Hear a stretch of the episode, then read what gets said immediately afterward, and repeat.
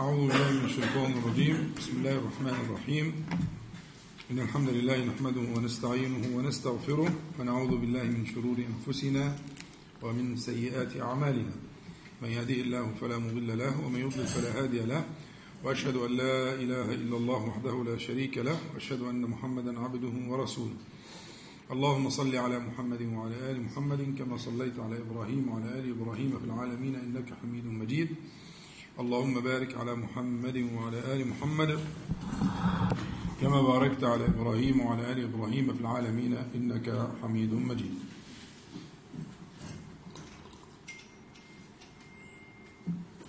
أما بعد فنستأنف إن شاء الله تعالى لقاء الوصال الليلة ونبدأ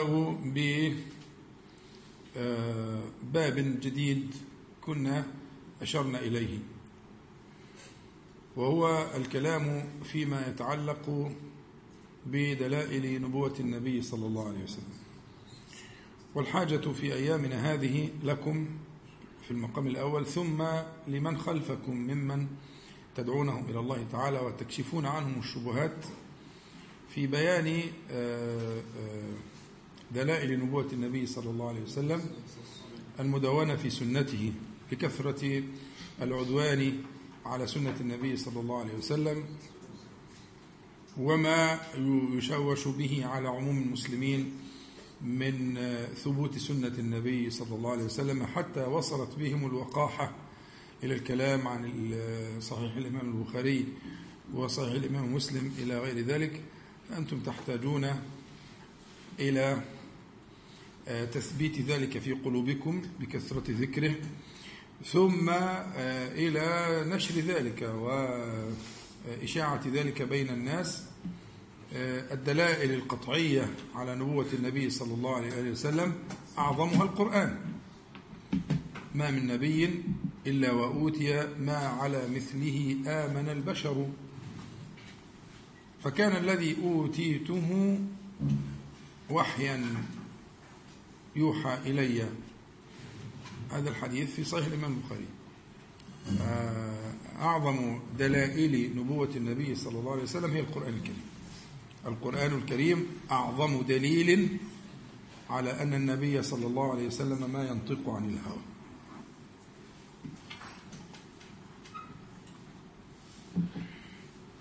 ووجه ذلك أن النبي صلى الله عليه وآله وسلم جاء بكلام يعجز عنه النبي صلى الله عليه وسلم. ويعجز عنه كل لسان عربي. وأن الله تبارك وتعالى أعجز الخلق بأن يأتوا بمثل القرآن أو أن يأتوا بعشر سور من القرآن أو أن يأتوا بسورة من القرآن.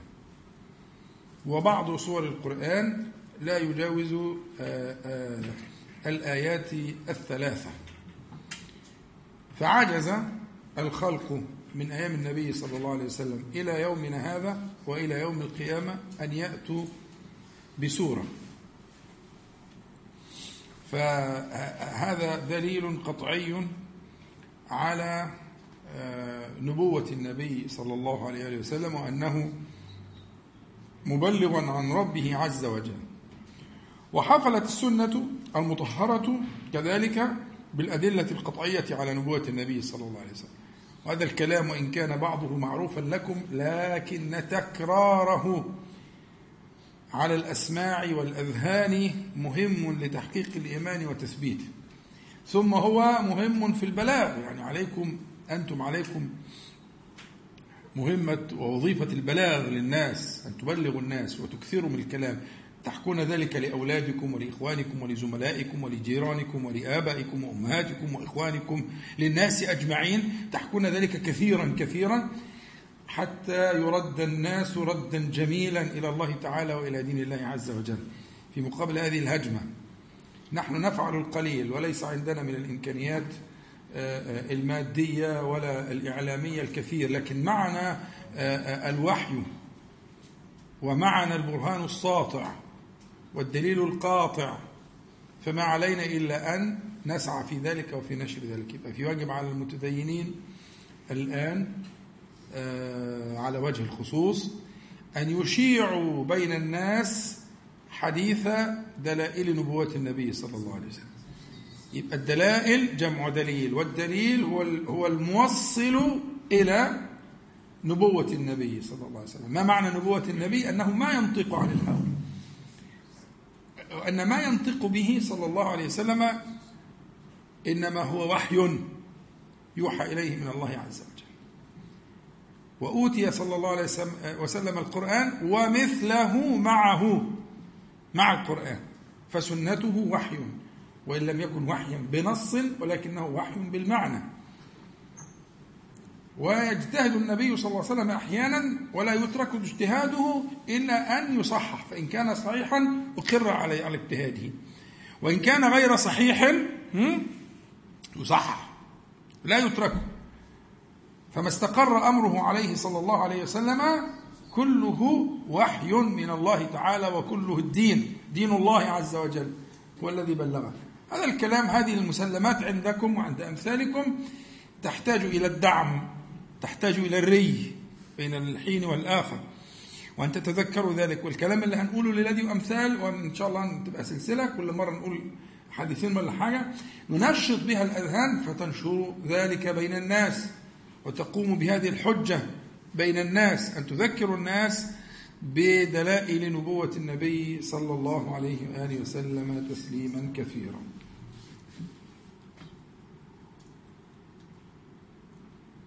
الكتب التي صنفت في دلائل نبوة النبي صلى الله عليه وسلم كثيرة جدا وبعضها مطول جدا ككتاب البيهقي وغيره. لكن من أجمل ما كتب في ذلك في الحقيقة يعني هو كتاب صغير كتاب صغير محدود. أنا أنصح بأن يكون موجودا في كل بيت وهو كتاب غير مشهور.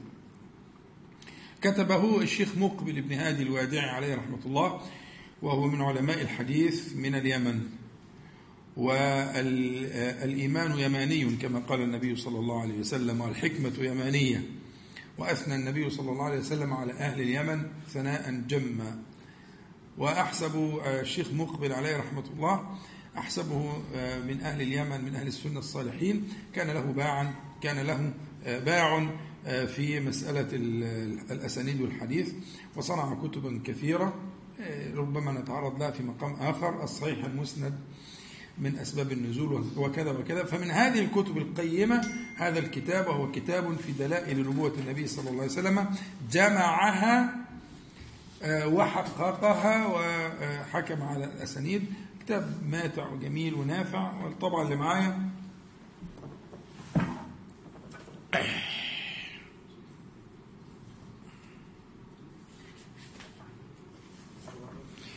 هي طبعة مكتبة ابن تيمية ما أعرفش بقى الحاجات دي موجودة دلوقتي ولا لأ؟ الكلام ده الكتاب ده مثلا ممكن يكون عمره يعني هكبر نفسي قوي أنا جايبه في الثمانينات في أول الثمانينات مش عارف بقى كان عندكم كام سنة؟ مش عارف يعني في وسط الثمانينات كده 85 87 حاجة زي كده يعني. هي مكتبة ابن تيمية كتاب قيم. كتاب قيم جدا ونافع ويعني وجوده في البيت بركة هذا الكتاب كتاب مبارك. كتاب مبارك. دلائل نبوة النبي عليه الصلاة والسلام. وكتاب يعني ما فيش هتتعب نفسك في أسانيد. هو حكم على أسانيد الكتاب وصححها. والشيخ مقبل يعني كما قلت لكم رجل مبارك عليه رحمة الله تعالى. هو من أهل السنة. أنا نقرأ كده يعني كل مرة. يعني إيه ننور المجلس ونبارك المجلس بذكر بعض دلائل نبوة النبي عليه الصلاة والسلام. سيرة جميلة الحقيقة الواحد ما يبقاش عايز يسيبها يعني. ولها الغرض الأول الذي ذكرت لك يعني. غرض أن, أن, أن, أن يتحقق إيماني وإيمانكم ده غرض طبعا الأعظم الأول. لكن هناك غرض آخر قدمته أن تبلغوا ذلك. انشروا ذلك سيما اللي معاه مثلا صفحة في في في صفحات التواصل الاجتماعي إلى آخره اكتبوا الأشياء دي اكتبوا الأحاديث دي شروها واحكوها واللي بيقول كلمة في في مسجد ولا في أي مكان يقول. قولوا الحاجات دي للناس. أعيد الناس مرة أخرى إلى الله تعالى لا يذكر أنه صلى الله عليه وآله وسلم تسليما كثيرا ما ينطق عن الهوى. عايزين نوصل لكده تمام؟ فبدلائل النبوة بتحصل إيه؟ تحقيق للإيمان الذي نسعى إليه. هو في الفصل السادس يقول دلائل من دلائل النبوة في أدب الحيوان مع النبي صلى الله عليه وآله وسلم.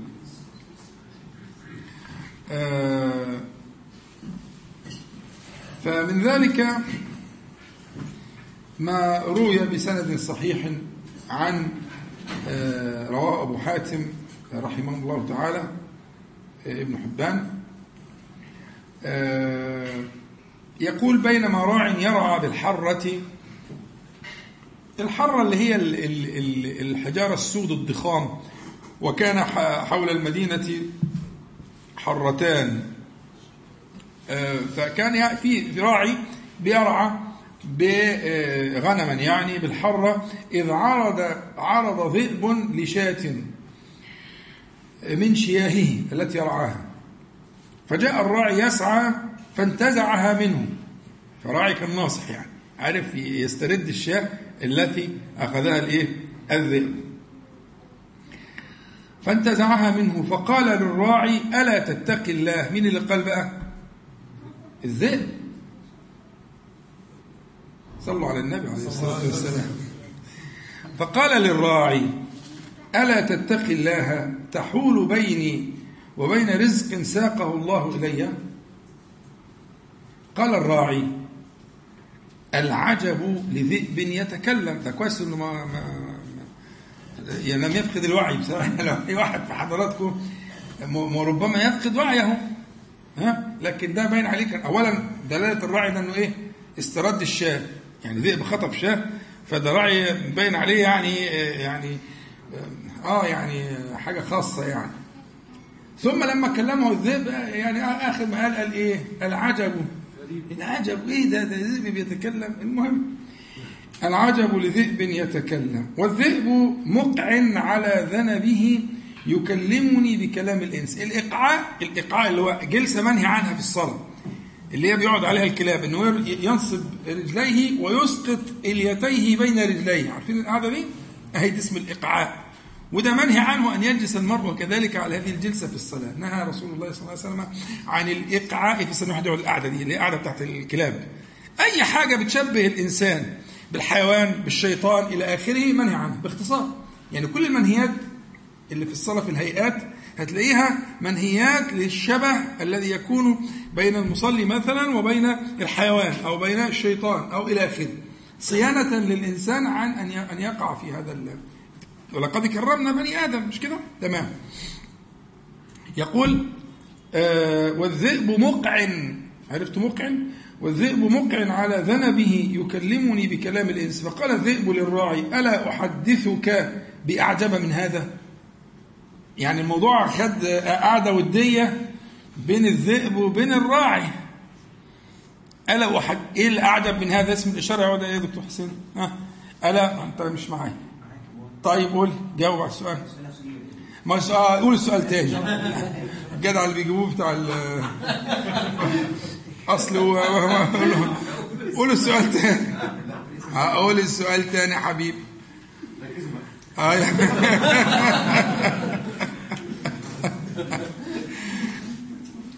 ماشي. صلوا على النبي. آه بيقول ألا أحدثك بأعجب من هذا؟ اللي بيقول كده مين يا عم كريم؟ إذ اسم الإشارة يعود على إيه بقى حبيبي؟ من هذا؟ الله يفتح عليك. ألا أحدثك بأعجب من هذا؟ ألا أحدثك بأعجب من أن ذئب يتكلم بكلام الإنس؟ لو فكنا هذا هتبقى كده. تمام؟ مش هعدي لك حاجة تاني. ألا أحدثك بأعجب من هذا؟ يعني ألا أحدثك بأعجب من أن تجد ذئبا يتكلم بكلام الإنس؟ وفي أعجب من كده؟ خلي بالك بقى ده اللي بيتكلم مين؟ آه. فإيه اللي أعجب من أن يتكلم الذئب بكلام الإنس؟ اسمع بقى صلى على النبي عليه الصلاة والسلام. هذا رسول الله صلى الله عليه وسلم بين الحرتين يحدث الناس بأنباء ما قد سبق. انتهى كلام الذئب. يعني اللي أعجب باللي أنت شايفه رسول الله صلى الله عليه وسلم. يحدث الناس بأنباء ما قد سبق. فذاك أعجب من أن تجد ذئبا يتكلم بكلام الإنس. تمام؟ طيب الراعي عمل إيه بقى؟ فساق الراعي شاء شاءه إلى المدينة فزواها في زاوية الراعي ده نصح جدا حتى مش مش مش حساب الدنيا والبتاع لا ده ساقها سوقا آه، رفيقا حتى زواها في زاوية وقفل عليها وظبط الدنيا فزواها في آه، زاوية من زواياها يعني من زوايا المدينة ثم دخل على رسول الله صلى الله عليه وسلم فقال له ما قال الذئب. حكى له الحكاية وحكى له مقالة الذئب. فخرج رسول الله صلى الله عليه وسلم فقال للراعي يعني خد الراعي وخرج به فقال للراعي أخبر آه، فأخبر الناس ما قال الذئب. لأن هنا بقى المقام هيبقى مقام مختلف إذا قال ذلك الراعي. لو قال النبي صلى الله عليه وسلم كما يقول دائما. لكن هنا المقام مقال هيبقى أكثر تشويقا للناس. إن راعي جاي من ال من ال من المراعي وجايب معاه الإيه؟ القصة العجيبة دي. فقال له عليه الصلاة والسلام فأخبر الناس ما قال الذئب. فقال رسول الله صلى الله عليه وسلم صدق الراعي. صدق الراعي. يعني يصدق بقى. يعني اللي قاله الراعي ده صدق. كده خلاص خد الختم بقى. إنما قلة الراعي صارت مش افتكاسة يعني مش الراعي جاي يعمل الجو ولا بيعمل بتاع. لا الراعي صدق. ومن الذي صدق الراعي؟ ها؟ الصادق المصدوق صلى الله عليه وسلم. قال للناس صدق الراعي. يا سلام. طيب. فقال عليه الصلاة والسلام صدق الراعي. ألا إن من أشراط الساعة كلام السباع الإنسة يعني أن تكلم السباع الإنسة أشراط الساعة ممكن إن شاء الله إذا ربنا أكرمنا نبقى نعمل لها يعني دروس خاصة بها لأهميتها. أشراط الساعة بتنقسم لقسمين كبار. أشراط صغرى وأشراط كبرى. الأشراط الصغرى أولها بعثة النبي صلى الله عليه وسلم. فإذا بعثة النبي صلى الله عليه وسلم ها من أشراط الساعة بعثت بعثت الساعة كهاتين. يعني ما فيبقى إذا الأشراط الصغرى بدأت من بعثة النبي صلى الله عليه وسلم. فهل أن أن تحدث آه، الذئاب أو السباع الجنس ده يعني هل هل أن تحدث الناس بكلام الناس يكون من أشراط الساعة الصغرى أم أن يكون من أشراط الساعة الكبرى؟ الظاهر أنها من الصغرى لأنها حصلت في أيام النبي عليه الصلاة والسلام. لكن الأشراط الكبرى بقى آه، آه، تكون كالعقد إذا انفرط يعني أنت عارف معك سبحة واتقطع الخيط بتاع المسبحة بيحصل إيه؟ بالظبط كده. ما يحصل لحبات خرزات المسبحة أو العقد إذا انقطع هو اللي يكون في أشرطة الساعة الكبرى. دي على طول بقى. ودي اللي بندرسها في درس مستقل اسمها إذا قيل أشرطة الساعة فيقصد بها الكبرى اللي هي آه، تتتابع تتابع حبات الإيه؟ العقد إذا انفرد. تمام؟ فهنا كلام النبي عليه الصلاة والسلام ما فيش تصريح طبعا بكبرى وصغرى لكن يحمل على أنها من الإيه؟ من الأشراط الإيه؟ أيوة الصغرى. نعم؟ لا لسه لسه. لسه الكبرى لسه ما حصلش منها حاجة ولا إرهاصات ولا مقدمات. لسه بدري بدري. لسه بدري لسه بدري. فاعلات فاعلات. لازم تقتنعوا بكده اسمعوا كلام. ال الناس اللي بتضيق عليكم وبت يعني يعني يفتئتون ويتكلفون تكلفا لا يليق ابدا. لسه كتير ولسه في خلافه على منهاج النبوة كما قال النبي صلى الله عليه وسلم كما بدأت بخلافة على منهاج النبوة ستختم بخلافة على منهاج النبوة. فهم المراحل التي قالها النبي صلى الله عليه وسلم النبوة خلافة على منهاج النبوة ملك عضوض ملك جبري خلافة على منهاج النبوة. يبقوا كم دول يا عم حسين؟ خمسة. الله يفتح عليك. تمام. ما انت خلاص كده دخلت لغاية آخر أي. فالخمسة دول أولهم نبوة يليها خلافة على منهاج النبوة وختامها إيه؟ خلافة على منهج النبوة. هيكون فيها نبي طبعا هيظهر فيها نبي بس لا يكون إماما لتلك الأمة. لا يصلي خلف إمامها اللي هو عيسى عليه السلام. آه واخد بالك؟ لكن الخلافة لسه ما جاتش لسه بدري. والنبي عليه الصلاة والسلام نبأ بفتح رومية ورومية هي العاصمة الغربية آه لل... لأهل الروم لعباد الصليب ولم تفتح لم يدخلها الإسلام. إطلاقا لم يأتي عليها الإسلام. وسيأتي وستفتح. و و و وكنيسة القديس بطرس دي هتبقى جامع كبير والناس هتصلي فيه. والميدان اللي قصادها ده يبقى ميدان ممتلئ بالراكعين والساجدين والذاكرين الله. ده كلام النبي عليه الصلاة والسلام. لأن هو في حديث واحد نبأ بفتح القسطنطينية ورومية. فسئل عبد الله بن عمرو بن العاص وهو راوي الحديث وكان من كتاب الحديث كان أذن النبي صلى الله عليه وسلم له أن يكتب. فسأله التابعي أي المدينتين تفتح أولا؟ فاستأذنه أن يرجع للإيه؟ للكتابة. فرجع إلى الكتابة فقال القسطنطينية أولا اللي هي العاصمة الشرقية. الدولة الرومية أو الرومانية في الإمبراطورية الغربية والإمبراطورية الشرقية. الإمبراطورية الغربية كان عاصمتها روما. آه، والإمبراطورية الشرقية كان عاصمتها بيزانتا أو قسطنطينة. أو قسطنطينة اللي هي دلوقتي اسمها إسطنبول. أحسنت. آه فلسه لسه يعني الحاجات دي ما, ما, ما, من بيت حجر ولا مدر إلا سيدخله هذا الأمر بعز عزيز أو بذل ذليل. عزا يعز الله به الإسلام وأهله. كده. حديث صحيحة كلها. هيخش الإسلام. في أماكن لسه ما دخلهاش الإسلام. الفاتيكان لسه ما دخلهاش الإسلام. خالص إطلاقا. هيخشها. وسيفتح الله تعالى تلك البلاد على المسلمين للتوحيد. إحنا مش مش نفتح عشان ناخد أموال. ولا ناخد نسوان عينيها خضراء وشعرها أصفر. مش عايزين العبط.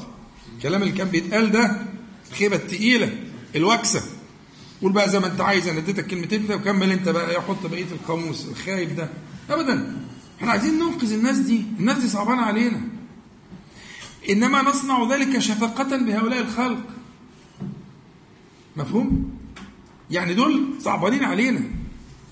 إحنا رايحين نذهب إليهم ليخرجهم الله تعالى من الظلمات إلى النور. ليخرجهم الله تبارك وتعالى من النار إلى الجنة. ده غرضك. أنت لا عايز دنيا ولا عايز ملك ولا عايز نساء ولا أموال. الأشياء دي لا تشغلك. ولا إيه؟ صلوا على النبي صلى الله عليه وسلم. طيب. يبقى آه، لا يكلم لا لا تقوم الساعة حتى تكلم السباع الإنس ويكلم الرجل ويكلم الرجل نعله وعذبة صوته. الأشياء دي ينطقها الله تعالى من الآيات آه، آه، الطرف الصوت يعني اللي هو الشراشيب اللي بتبقى في آخر الصوت ده. ويخبره فخذه بحديث أهله بعده. هذه من الآيات اللي يعنينا فيها الآية التي ذكرناها اللي هي آية كلام السبع طيب هو آه، الباشمهندس بيقول لي باقي لك آه، سبع دقايق. ممكن دلوقتي بقوا ستة. فنقول حديث كمان عشان إيه يعني نعطر المجلس بهذا الكلام الجميل. آه، في مسند الإمام أحمد أن آه، عبد الله بن جعفر قال أردفني رسول الله صلى الله عليه وسلم ذات يوم خلفه فأسر إلي حديثا لا أخبر به أحدا أبدا. وكان رسول الله صلى الله عليه وسلم آه، أحب ما استتر به في حاجته يعني في قضاء حاجته يعني. هدف أو حائش نخل يعني معناها سنة النبي صلى الله عليه وسلم إذا أراد المرء أن يقضي حاجته ما كانش فيه بقى الكنف والحاجات اللي هي دورات المياه والحاجات دي.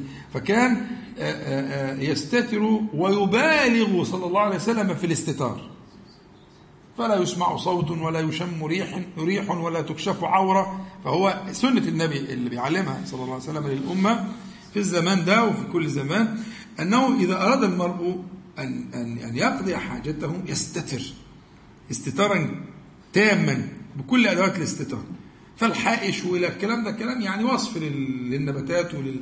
تكون يعني كثيفة بحيث إن الإنسان ما يظهرش منه أي حاجة ويبتعد بحيث لا يرى ولا يسمع ها؟ لا يسمع له صوت ولا يشم له ريح. تمام؟ ده معنى الايه؟ أحب ما استتر به في حاجته هدف أو حائش نخل فدخل يوما حائطا من حيطان الأنصار فإذا جمل قد أتاه فجرجر وذرفت عيناه. جرجر ده صوت الجمل. ما طبعا أنتوا لا أنتوا عارفين الجمل ولا عارفين صوت الجمل. فإنا لله وإنا إليه راجعون. لكن قال يعني أنا عارف. المهم بس أنا عارف والله. لأنه كنت حريص على الأشياء دي. ولا زلت. لكن المهم ده صوت الإيه؟ الجمل لما بي يعني بيبقى فيه نوع من أنواع الغضب أو ال ال يعني انذار بال بعواصف تأتي. مقدمات العواصف هي هذا الصوت جرجرة الإيه؟ الجمل. وذرفت عيناه. ذرفت عيناه الضمير هنا يعود على مين؟ على الجمل. فلما دخل الحائط عليه الصلاة والسلام الجمل كأنه يعني إيه لقى الحنان كله بقى. فذهب إلى النبي صلى الله عليه وسلم يجرجر وذرفت عيناه. آه قال فلما رأى النبي صلى الله عليه وسلم حن وذرفت عيناه فمسح رسول الله صلى الله عليه وسلم سراته وذفراه فسكن. على فكرة الجمل حيوان مخيف. وغير متوقع التصرفات. وحتى العرب اللي حياتها كلها الجمل الإبل ينظرون إلى الإبل كيف خلق يعني الجمل على أهميته لكن كانوا يعني يهابونه. عشان الجمل إذا غضب فلكنه جاء وحن إلى النبي صلى الله عليه وسلم فمسح عليه عليه الصلاة والسلام مسح سراته وحتى سكن. فقال من صاحب الجمل للأهل الحائط اللي دخلوا؟ حائط يعني زي جنينة كده الحائط معنى حاجة جنينة حديقة وكده يعني فيها زرع وفيها ثمار وفيها نخيل وكده. فقال عليه الصلاة والسلام من صاحب الجمل؟ فجاء فتى من الأنصار فقال هو لي يا رسول الله عليه الصلاة والسلام. فقال أما تتقي الله في هذه البهيمة التي ملككها الله؟ إنه شكى إلي أنك تجيعه وتدئبه. فأنا قلت لكم قبل كده لو تذكرون إنه ما من ما من آية من الآيات أعطاها الله تعالى نبيا من أنبيائي ولا رسولا من رسلي, إلا وآتى محمدا صلى الله عليه وسلم مثله وزيادة. ونعمل لها دي ملف مستقل كده إذا شئتم. وضربت لكم أمثلة قبل كده. حتى إحياء الماء حتى إحياء الموتى لعيسى عليه السلام. ما من آية ولا دليل على نبوة الأنبياء والرسل الكرام إلا وآتى محمدا صلى الله عليه وسلم مثله وخيرا منه. فمين كان بيعرف منطق الطير والحيوان مش كده؟ أهو. حكى له. قاعد وذرفت عيناه وقعد يحكي له. فحكى له أن أنه يجيعه ويدئبه. يدئبه يعني يجعله في عمل دؤوب لا مفيش راحة يعني. يعني لا راحة ولا أكل. اللي هم أهم حاجتين بالنسبة للحيوان يستريح ويأكل. لا إنما يجعله في عمل مستمر ولا يعطيه حقه. فقال عليه الصلاة والسلام إنه شكى إلي أنك تجيعه وتدئبه. هذا من أعلام نبوته صلى الله عليه وسلم وأظن كده أنا عديت الوقت طيب نسأل الله تعالى أن ينفعنا بما قلنا وما سمعنا وأن يجعله حجة لنا لا علينا يا رب العالمين. اللهم صل على محمد وأنزله المقعد المقرب منك يوم القيامة. والحمد لله رب العالمين. اتفضل. عايز تفصل؟ افصل. لو حد بس يجيب شوية ماء بارده لو سمحت. شوية ماء بس. أي حاجة. طيب آه هنبدأ اللي بعد كده إن شاء الله. طيب. في حاجة؟ هم؟ تمام. تمام تمام. صلوا على النبي صلى الله عليه وسلم. طيب نبدأ يا حبيبي. على مهلك.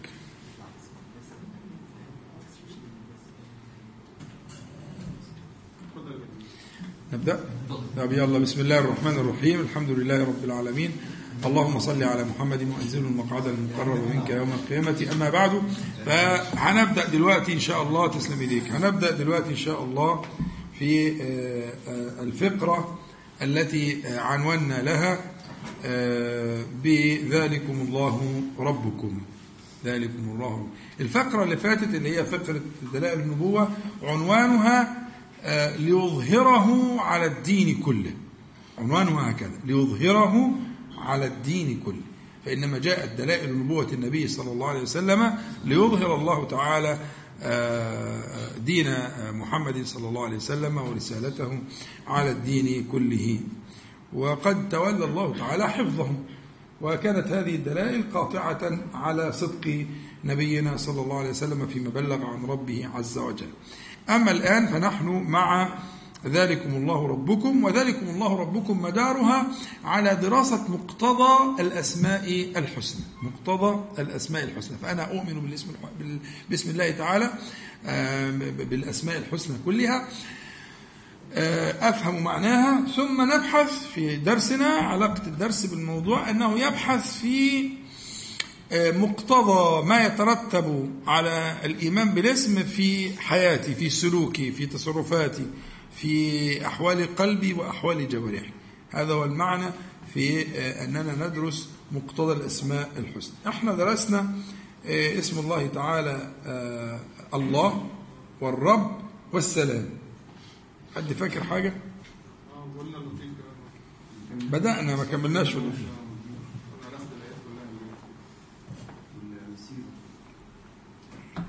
إحنا انتهينا من مقتضى اسم الله تعالى الله.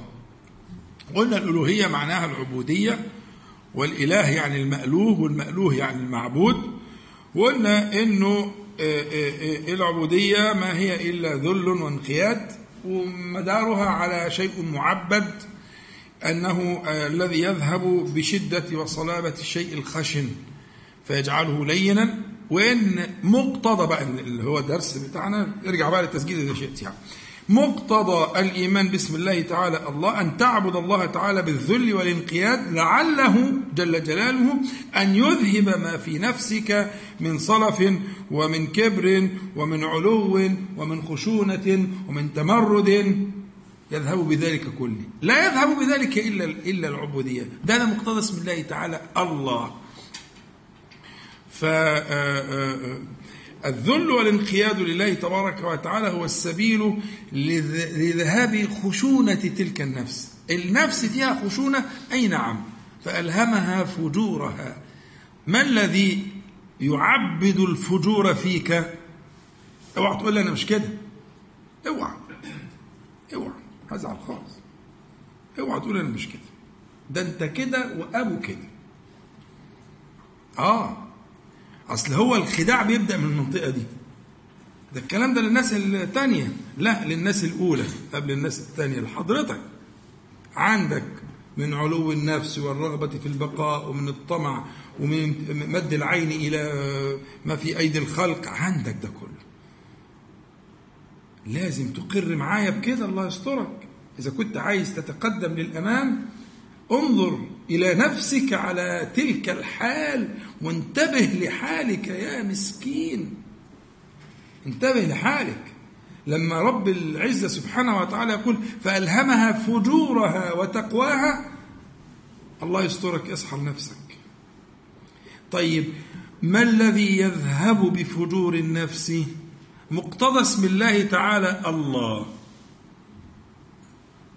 العبودية هي التي تذهب بصلف النفس وخشونة النفس وشدتها وتجعلها كالأرض المعبدة لينة ذلولة تنقاد للأقدام عبدتها الأقدام. هي دي العبادة. العبادة تصنع ذلك في الناس هذا مقتضى اسم الله تعالى الله. أما الرب فقلنا إيمانك باسم الله تعالى الرب إنما يعني الإيمان بأنه هو السيد المصلح الذي تعاهد سبحانه الأشياء حالا فحالا يربيها يعني يتعاهدها حالا فحالا إلى أن يبلغ بها التمام. الخلق والإيجاد من العدم والرزق والرعاية والشفاء والحماية والدفع كل ذلك منه سبحانه وتعالى مقتضى الربوبية. فمقتضى ذلك في إيمانك أن تعلم أنه لا يصلحك ولا يصلح لك إلا الله سبحانه وتعالى. فلا ترجو صلاحا إلا منه سبحانه وتعالى. كل الأبواب قد سدت إلا باب الله تبارك وتعالى. أن تعلم أن نصيبك من الهيئة ومن النسب ومن القوة ومن العلم ومن الصحة كل الحاجات دي ها؟ أن نصيبك من ذلك كله هو مقتضى ربوبية الله تعالى هو اختيار الله وهو أتم وأكمل. ليه؟ لأن الله تعالى متصف بالحكمة والعدل والرحمة والعلم ها؟ فهذا مقتضى حكمته ورحمته وعلمه وقدرته سبحانه وتعالى. آه صح كده. يبقى إيماني بالربوبية يسكن النفس. وإن ما جاءك من الزوج أو من الولد أو من الجاه أو من المال هذا اختيار الله تعالى مقتضى ربوبية الله عز وجل. زي ما اتفقنا تعاهد الشيء أن, يت... أن ينشئ الشيء ويتعاهده شيئا فشيئا حالا فحالا إلى أن يبلغ به الكمال. في ناس الكل ماشي كده بس في ناس ماشية كده وبتتعبد بكده ودول الأقلون. وبقيه الناس ماشية كده وما بتتعبدش بكده. بس كله هيمشي كده. انت فاهم؟ مفيش حد هيخرج عن القانون. محدش هيخرج عن الإرادة عن المشيئة عن القدرة عن الحكمة عن العلم. ابدا محال. أمال الحكاية إيه؟ في واحد ماشي كده وبيتعبد بكده بيتعبد بنسبه بأمه وأبوه واولاده وصحته ولونه وشكله وطعمه وولده وزوجه وماله وعلمه ومكانته الاجتماعية وجاهه وسلطانه. واخد بالك؟ بيتعبد بده كله. ليه؟ لأن الله سبحانه وتعالى هو الذي خلق ذلك كله. التاني برضه غصب عنه بس ما بيتعبدش بيه. شفت الفرق؟ مقتضى الإيمان بربوبية الله تعالى هو التعبد بذلك. أن تتعبد بما قسم هو واختار هو. وربك يخلق ما يشاء ويختار. أن تتعبد بذلك. خليك ناصح. هو الرب لا إله إلا هو ولا رب سواه جل جلاله. وما فيش حد اجتمع له كل شيء على وجه الكمال محال. لازم يبقى فيه هذا التفاوت الذي يحملك على النظر والاستدلال حتى تصل إلى قدرة الله تعالى وحكمة الله تعالى. وده مرتبط بالدرس بتاع الليلة دي اللي هو هندرسه في اسم الله تعالى اللطيف. له ارتباط وثيق ها؟ لكن الأصل الإيمان بعد الألوهية بالربوبية. أو الربوبية الأول طبعا كما قلت قبل ذلك وشرحت. طبعا أنا بعيد كلام دلوقتي دي إعادة يعني لكن لا بأس بالإعادة لأن ربما نحتاج إليها لطول العهد بينهم. بعد ذلك تكلمنا على اسم الله السلام وهو السلام معناه ذو السلامة ذو السلامة. وإذا ما قلت لك اللي أنت بتقوله بعد الصلاة اللهم أنت السلام ومنك السلام. أنت السلام في ذاتك ومنك السلام في فعلك. فالسلامة لا تأتي إلا منه سبحانه وتعالى فهو نفسه في ذاته العلية. جل جلاله هو السلام يعني اتصف ذو السلامة تنزه عن كل نقص وعيب واتصف بكل كمال جل جلاله. بالكم وبعدين ومنك السلام اللي انت بتقولها بعد الصلاة هي معناها أن السلامة لا تطلب إلا منك. السلامة لك ولغيرك ولمن تحب ولمن ترجو. كل ذلك لا يكون إلا من الله تبارك وتعالى ومنها آه، وأعظم ذلك آه، ما ترجوه للنبي صلى الله عليه وسلم. أنت بتقول في الصلاة السلام عليك عليك أيها النبي اذكر اللي إحنا قلناه ها؟ تستحضر ذلك. كأنك تشهده صلى الله عليه وسلم كأنها في مجلسه صلى الله عليه وسلم فتقول السلام عليك. يعني السلام السلامة. سلامة سلامة ذاته الشريفة سلامة في قبره صلى الله عليه وسلم آه، سلامة في آه، آه، شرعه ودينه سلامة في أمته سلامة في يوم القيامة حيث يكون له المقام الذي لا يشاركه أحد من خلق الله تعالى. سلامة في الجنة فالسلامة أعظم السلامة ترجوها للنبي صلى الله عليه وسلم. وعلى ذلك فقس. وزي ما قلت لكم شرحنا ارجع بقى لإيه؟ آه، آه، لن تدخلوا الجنة حتى تؤمنوا ولن تؤمنوا حتى تحابوا. ألا أدلكم على شيء إذا فعلتموه تحاببتم؟ أفشوا السلام بينكم. على المعنى ده الحديث بقى له معنى مختلف خالص. اللي مش فاكر يرجع التسجيل مش كده؟ أنا إيه؟ أنا عديت نص الوقت مش كده؟ طيب. فارجع للحديث المهم جدا في فهم معنى آه، اسم الله تعالى السلام. أفشوا السلام بينكم يعني رغبة السلامة. أن يسلم الناس. أنت لما تقول واحد السلام عليكم يعني أن تسأل الله تعالى باسمه السلام أن يسلمه. هو ده معنى السلام. السلام معناه كده. فعشان أصل الحديث عجيب. ألا أدلكم على شيء إذا فعلتموه تحببتم تحببتم يعني إيه؟ دخلتوا الجنة. مش كده ولا إيه؟ لن تؤمنوا تدخلوا حتى تؤمنوا ولن تؤمنوا حتى الغائية تحابوا. فإذا هذه السلسلة الذهبية العظيمة مبدأها بإفشاء السلام. إيه يعني السلام عليكم السلام عليكم السلام عليكم السلام عليكم. هو ده المقصود يعني؟ ده مقصد النبي عليه الصلاة والسلام؟ مش معقول يا جماعة. مش معقول. ما أنت طول ما أنت ماشي في الشارع بتسمع الكلام. مش هو ده المقصود. المقصود اللي هنا. الفهم اللي هنا النور اللي هنا. هو ده المقصود. ده اللي دخل الجنة. اللي دخل الجنة اللي هنا. وبعدين يظهر بقى على الجوارح تنور الجوارح اللسان ينور ها؟ لكن الأصل هنا هنا هنا. يكون عندك الرغبة والرجاء من الله تعالى أن يسلم الخلق جميعا. أن يسلموا في أديانهم وفي دنياهم. هو ده المعنى. أفشوا السلام يعني أفشوا طيب نبدأ بقى في اسم الله تعالى اللطيف. كنا بدأنا بداية سريعة كده وهو ده موضوع الدرس الذي إن شاء الله وموضوع الفقرة دي من هذا الدرس إن شاء الله تعالى. اول الحقيقة أظن إنه مش هيكفي الوقت آه لاستيفاء آه دراسة اسم الله تعالى اللطيف آه، آه، لامتداد الأمثلة الدالة على التعبد باسم الله تعالى اللطيف. فممكن نقسمه أو زي ما إخوانكم يشوفوا دلوقتي وأنا ماشي براحتهم يعني. لكن أنا ظني أنه قد يحتاج إلى وقت أكثر من آه، الوقت المخصص اللي هو بيقول لي دلوقتي ربع ساعة أو ثلث ساعة.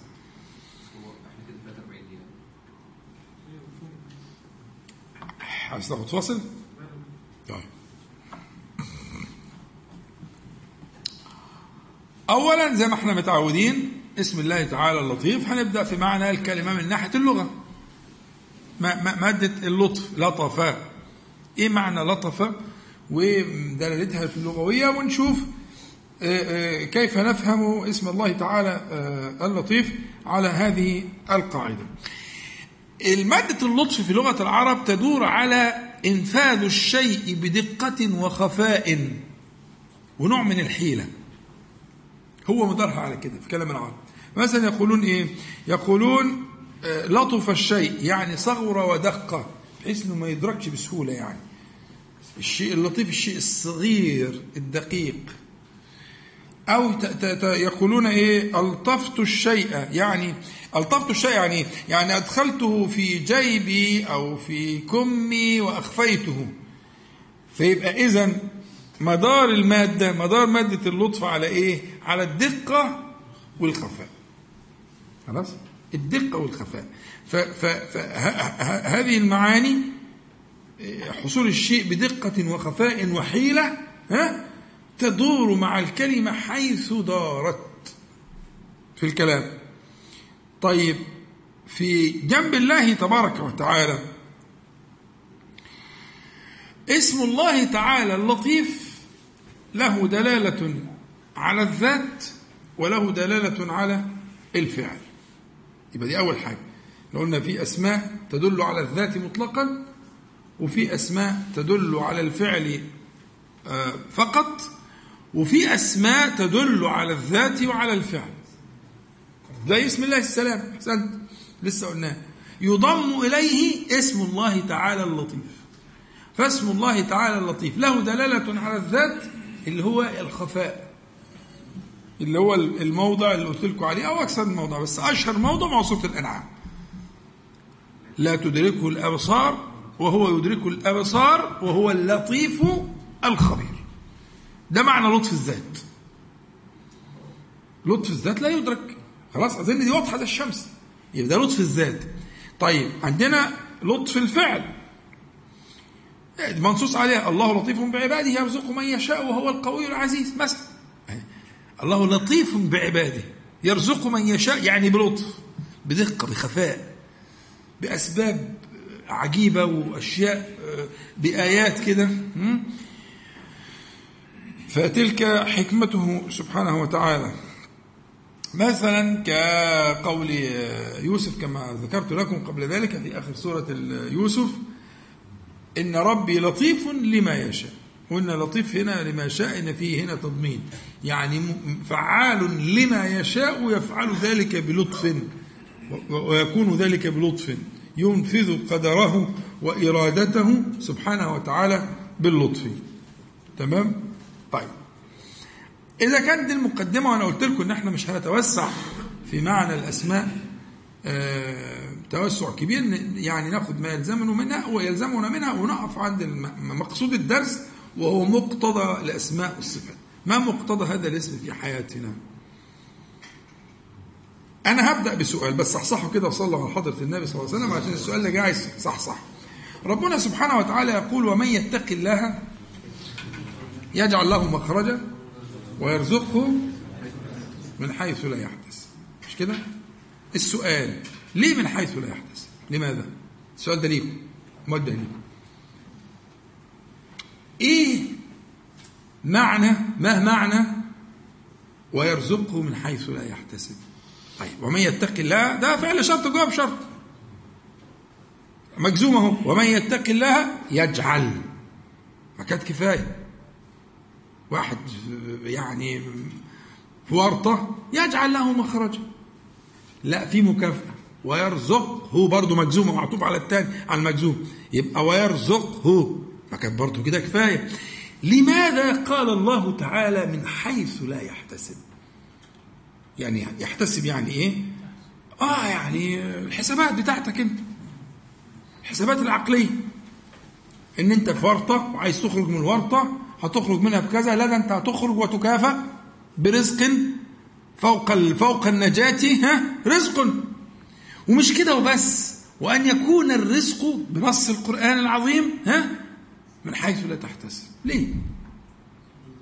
فكروا بقى معايا. ليه؟ لماذا؟ ما هو القيمة الإيمانية؟ ما هي القيمة الإيمانية؟ أن يكون الرزق من حيث لا تحتسب. أنا هسمع منكم كلام جميل جدا أحسن من اللي أنا هقوله بس أنتوا اجتهدوا. الموضوع مهم جدا. فكر معايا. أنا عايز أربط طبعا أنا منتهى الصراحة عايز أربط ده بسم الله اللطيف. بس أنا عايزك تفكر معايا. لماذا؟ لماذا يكون ذلك من حيث لا تحتسب؟ طب بس أنا شاطر. ده أنا عفريت. ده أنا أحسن واحد يحسب ويخطط ويعمل ودراسات جدوى وحاجات مش عارف استراتيجيات وبتاعات ومحتاجات ومش عارف إيه ها؟ يوم يقول لك آه طيب كويس قول اتفضل ها؟ افتتح الكلام. إلى حول الله سبحانه وتعالى وقوته آه. ودي دلالة على قدرة الله سبحانه وتعالى. آه. وعبوديه العبد لله آه تمام. كويس. ها اتفضل. لا يتعلق بالأسباب اللي هي اللي هي أنت نجاته يعني لكن هي إيه؟ إن لو شاف ما يحسبه وجده وجد انتج رزقا سيتعلق بذلك ويصير هو المنهج ليه يعني لكن هو أول حيث لا يعتزل فلا يتعلق بالسبب آه، ويجعل تعلقه بالله سبحانه وتعالى آه يتفك يعني آه، يقطع ال- النظر للأسباب وينظر إلى رب السبب لأن وجد السبب ما بيجيبش النتيجة المباشرة اللي هي محسوبة لكن وجد فوق السبب ربا سبحانه وتعالى يدبر الشأن. طيب أحسنت. اتفضل. لأن أفعاله سبحانه وتعالى بلا كيف. نعم. تمام. الله يفتح عليك. بلا كيف. آه. لا يسأل. سبحانه وتعالى لا يسأل عن كيف. مش قلت لكم الكلام ده؟ فاكرين لما قلت لكم الدعاء اللي اتفقنا عليه السبع أدعية اللي بنقولها بين السجدتين؟ اللهم اغفر لي وارحمني واهدني واجبرني وعافني وارزقني وارفعني. سبعة مش كده؟ قلنا السبعة دول بلا كيف. خدهم واحدة واحدة. فكر فيهم كده. هتلاقي جمالها و و و وأن يفعم قلبك بالإيمان فيها أن تكون بلا كيف. واجبرني. أنت مكسور. ما حدش يطلب الجبر وهو سليم ولا إيه؟ لا يطلب الجبر إلا الإيه؟ المكسور. فأنت بتقول واجبرني فيما أنا فيه من الكسر ولا أدري كيف ولكن اجبرني. اجبرني.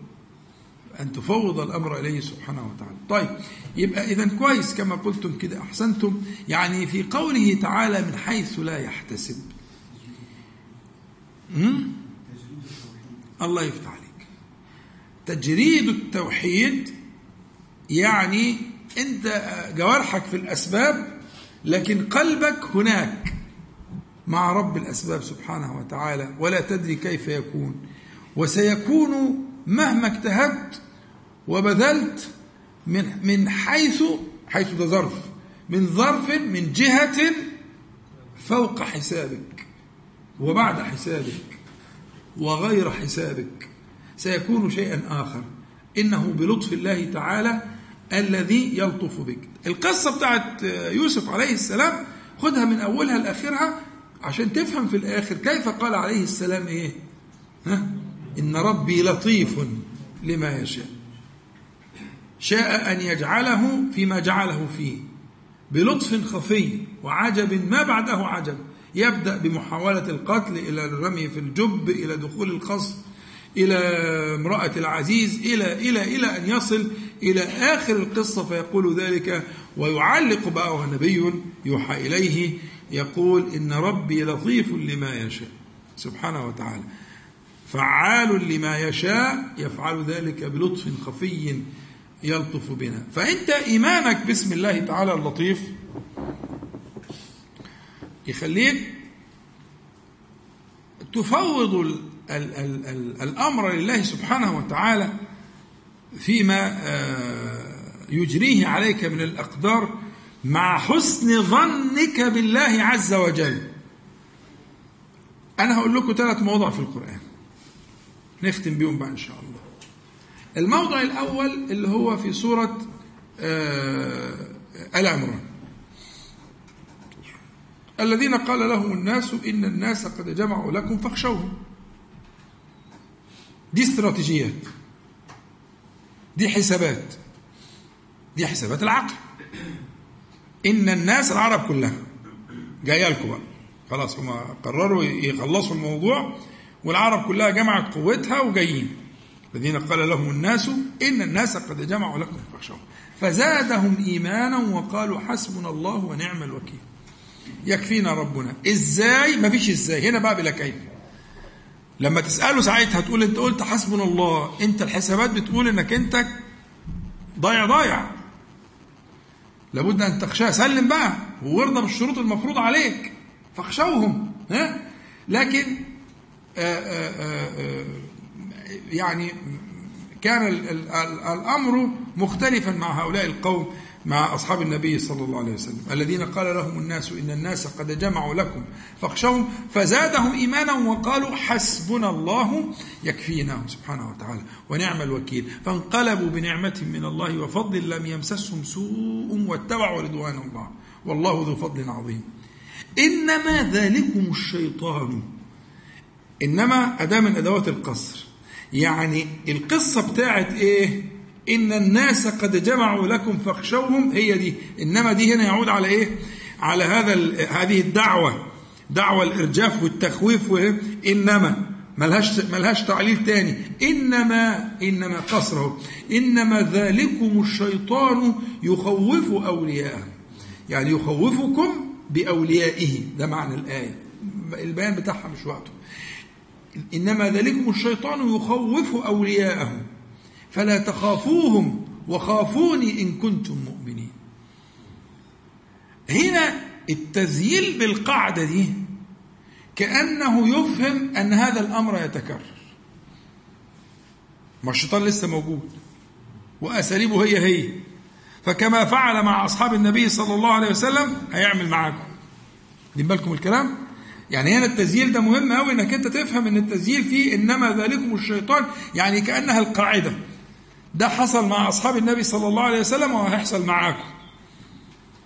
سيقولون لكم إيه؟ إن الناس قد جمعوا لكم فاخشوهم. أظن إحنا كده دلوقتي. مش كده ولا إيه؟ الدنيا كلها مجتمع علينا. كله كله. بس هل أحوالنا مش طبعا لا أقول كأحوال الصحابة لكن قريبة على هذا الطريق يعني كأصحاب النبي صلى الله عليه وسلم. آه، هو ده السؤال. أو هكذا فليكن فلتكن هي القضية. حتى يقول الناس فزادهم إيمانا وقالوا حسبنا الله ونعم الوكيل. فانقلبوا. انقلبت الأوضاع بنعمة من الله وفضل لم يمسسهم سوء. فهنا في قوله تعالى إنما ذلكم الشيطان يخوف أولياءه يخوفكم أولياءه فلا تخافوهم وخافوني إن كنتم مؤمنين وقد كان. الموضع الثاني في سورة الأحزاب لقد كان لكم في رسول الله أسوة حسنة لمن كان يرجو الله واليوم الآخر وذكر الله كثيرا.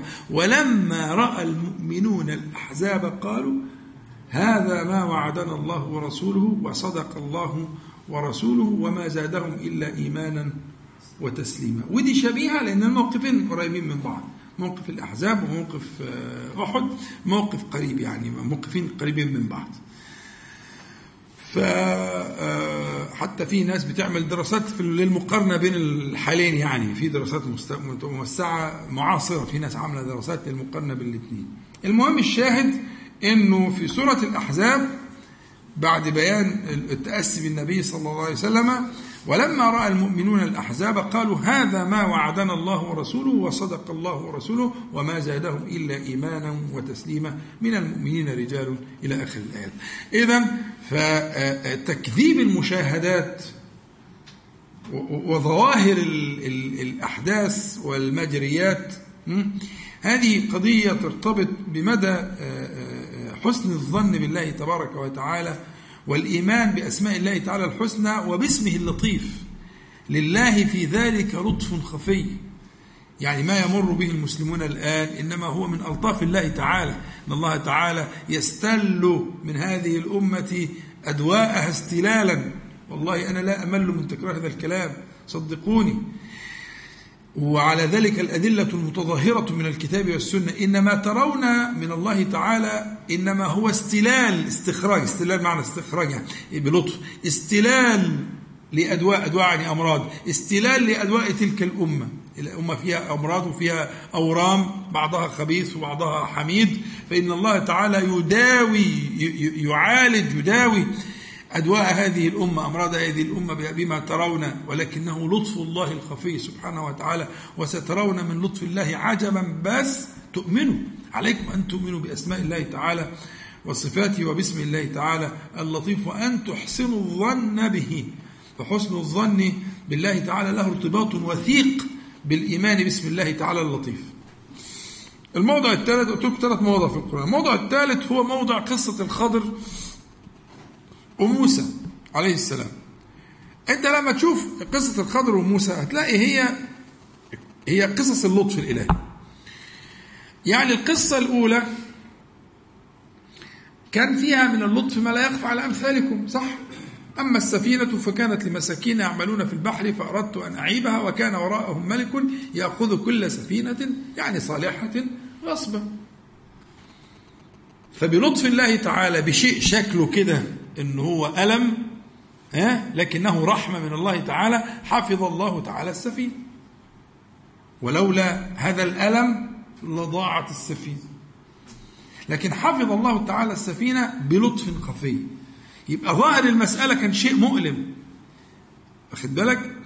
اللي كان عارف ده ما كانش موسى عليه السلام. موسى مؤمن بال... بال... بالشرع والفعل والترك والأمر بالمعروف والنهي عن المنكر. لكن الخضر أطلعه الله تعالى على علم لم يطلع عليه موسى عليه السلام. وهو الألطاف الخفية. أن من وراء هذا الإفساد إصلاح. أن من وراء هذا الإفساد اصلاحا ما بعده إصلاح. لأنه إفساد. هو موسى كان بينكر إيه عليه السلام؟ بينكر إصلاح ولا بينكر إفساد؟ إفساد. فمن وراء هذا الإفساد ها الظاهر إصلاح ما بعده إصلاح. هو ده اللطف. دي ألطاف الله تعالى. وأما الغلام فكان أبواه مؤمنين. أبواه مؤمنين. فخشينا أن يرهقهما طغيانا وكفرا. فاردنا أن يبدلهما ربهما خيرا منه زكاة وأقرب رحمة. هذا من اللطف. وإن اشتمل على شيء مؤلم فقد الولد مؤلم. لكن فقد الولد فيه من ألطاف الله تعالى أن يبدلهما ربهما خيرا منه زكاة وأقرب رحمة. يا سلام. هذه الألطاف. لكن موسى لم يدرك ذلك والذي أدرك ذلك وعلمه وعلمه الله تعالى هو الخضر والجدار نفس الكلام. القصة أن هذه القصص هذه القصص قصص الخضر مع موسى عليه السلام إنما هي بيان لألطاف خفية. لم يعلمها حتى الأنبياء. يعني الأنبياء زي عموم البشر. يؤمنون بلطف الله الخفي من غير تفصيل ما عندهمش بيان. الخضر كان عنده نوع من العلم. الخضر عامل زي الإيه؟ زي الأقدار كده. يعني الخضر عامل زي القدر عامل زي الريح. عامل زي كده يعني. اللي هو أطلعه الله تعالى على هذا للبيان للتعليمنا إحنا. عشان حتى النبي صلى الله عليه وسلم كان في صحيح البخاري رجا ان أن موسى أن يصبر موسى أكثر من ذلك عشان نعرف أكثر وأكثر عن ألطاف الله تعالى الخفية. لكن هي القاعدة كده إن حتى الأنبياء حتى حتى أولو العزم من الرسل إنهم جميعا يعبدون الله تعالى على حسن الظن به والإيمان بأسمائه وصفاته وبلطفه الخفي. والتصريح زي ما أنتم شفتوا جه من كلام يوسف عليه السلام. تصريح واضح صريح أنه أن من آمن بألطاف الله تبارك وتعالى الخفيه كان له ما سمعتم. أسأل الله تعالى أن ينفعنا بما قلنا وما سمعنا ويبقى إن شاء الله معادنا مع اسم من أسماء الله تعالى. نسأل الله عليه القدير أن ينفعنا بما قلنا وما سمعنا وأن يجعله حجة لنا لا علينا رب العالمين. اللهم صل على محمد وانزل المقعد المقرب منك يوم القيامة. الحمد لله. رب العالمين تريح شوية. فاصل قصير ونرجع إن شاء الله. قصير جدا. نعم. اتفضل. عايزين تسجلوا مش عايزين براحتكم. كيف تشوفوا الحوار مفتوح واللي عايز يجيب حاجة يشربها براحتكم. اتفضل. أعوذ بالله من الشيطان الرجيم. بسم الله الرحمن الرحيم. الحمد لله رب العالمين. اللهم صل على محمد وأنزل المقعد المقرب منك يوم القيامة. أما بعد فإن شاء الله هذه الفقرة استم... يعني استكمال لفقرة الدعاء. أنا مش أظنش هلاقي وقت إن أنا ألخص اللي قلناه في الدعاء وبصائر الدعاء لانها مهمة فممكن ترجعوا إلى تسجيلات الدعاء لتذكروا البصائر التي قلناها وأهميتها في الدعاء. ولكن الفقره الآن للأسئلة أسئلة الدعاء. هناك أسئلة هتحرك ما قلناه في الدعاء. فالسؤال الأول إذا كان الله تبارك وتعالى يقول وقال ربكم ادعوني أستجب لكم. أستجب هنا مجزومة. مجزومة في جواب الطلب يعني زي الشرط كده. يعني إذا دعوتموني استجبت. فعل شرط وجواب شرط. وجواب الشرط في حق الله تعالى حتمي قطعي مش كده؟ يعني إذا كان الشرط آه، متعلقا بالله تعالى فهو أمر قطعي مش كده ولا إيه؟ يبقى آه، آه، كلما دعاه المرء استجاب له. ربكم ادعوني أستجب ادعوني أستجب. الشرط في حق المخلوق ممكن يحصل وممكن ما يحصلش جوابه ممكن يحصل وممكن ما يحصلش مش كده؟ لكن في حق الخالق جل جلاله إذا قال هو ذلك وجعل ذلك من آيات وعلامات ربوبيته بقوله إيه؟ ربكم ربكم. ما قالش وقلت قال ربكم. وقال ربكم خلاص بيحيلك على الربوبية. وقال ربكم ادعوني أستجب ادعوني أستجب. فعل شرط جواب شرط. منسوب للربوبية. يبقى المسألة واضحة تمام؟ مثله مثله قوله تعالى وإذا سألك عبادي عني فإني قريب أجيب. دعوة الداعي إذا دعاني فليستجيبوا لي وليؤمنوا بي لعلهم يرشدون. فتفريع يبقى إن كان الأمر كذلك أني قريب وأني أجيب يبقى يترتب على ذلك استجابتهم لأوامري وإلى آخره وأن يؤمنوا بي لعلهم يرشدون. طيب إذا كان الأمر كذلك لماذا آه، آه، آه، لا يستجيب الله تعالى أو لماذا تتأخر الإجابة أحيانا أو لا تأتي بالكلية؟ إذا كان الأمر كذلك ادعوني أستجب. قريب أجيب. بهذه الألفاظ القاطعة الحاسمة إن كانت كذلك لماذا تتخلف الإجابة فتتأخر أو لا تأتي بالكلية؟ لماذا؟ السؤال الأول لماذا؟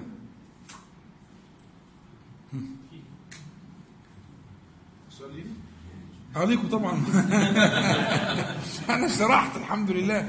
اللي عايز يرجع للتسجيلات ويشوف أنا قلت ستكون هناك أسئلة مترتبة على ما قلته يعني إذا أجبتم الله أكبر. ما أجبتوش يبقى برضه الله أكبر. واشرحنا أمره إلى الله. لكن أنا منتظر الإجابة منكم. إحنا شرحنا الكلام ده. لكن هو سؤال له وجه. وهو وجه. ربنا سبحانه وتعالى يقول كذلك وادعوني أستجب. طب ما أنا دعيت. أو ممكن تكون ناس كتير دعت. أو ناس في كرب شديد. وأعداد غفيرة من الناس دعت. مستضعفون من المستضعفين من المسلمين مثلا. ها؟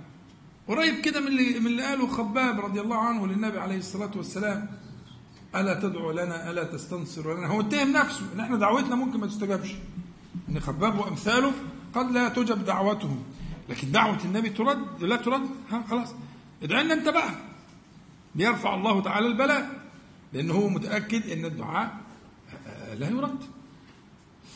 من النبي صلى الله عليه وسلم. طيب الخطاب هنا ادعوني أنتم أيها مش الأنبياء والمرسلون لكل المؤمنين. ادعوني أستجب ادعوني أستجب. لماذا؟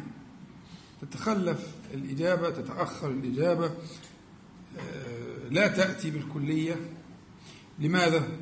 لا يستجيب الله تعالى دعوة كل داع لماذا؟ كل لماذا لا يستجيب الله تعالى دعوة كل داع؟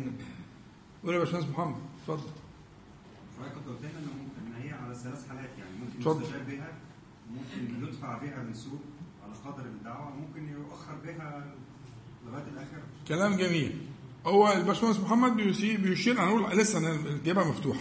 بس أنا هقول الحديث عشان نص الحديث مهم يهمنا نرجع له. أن النبي صلى الله عليه وسلم قال ما من مسلم يدعو بدعوة ليس فيها إثم ولا قطيعة رحم إلا أعطاه الله بها إحدى ثلاث.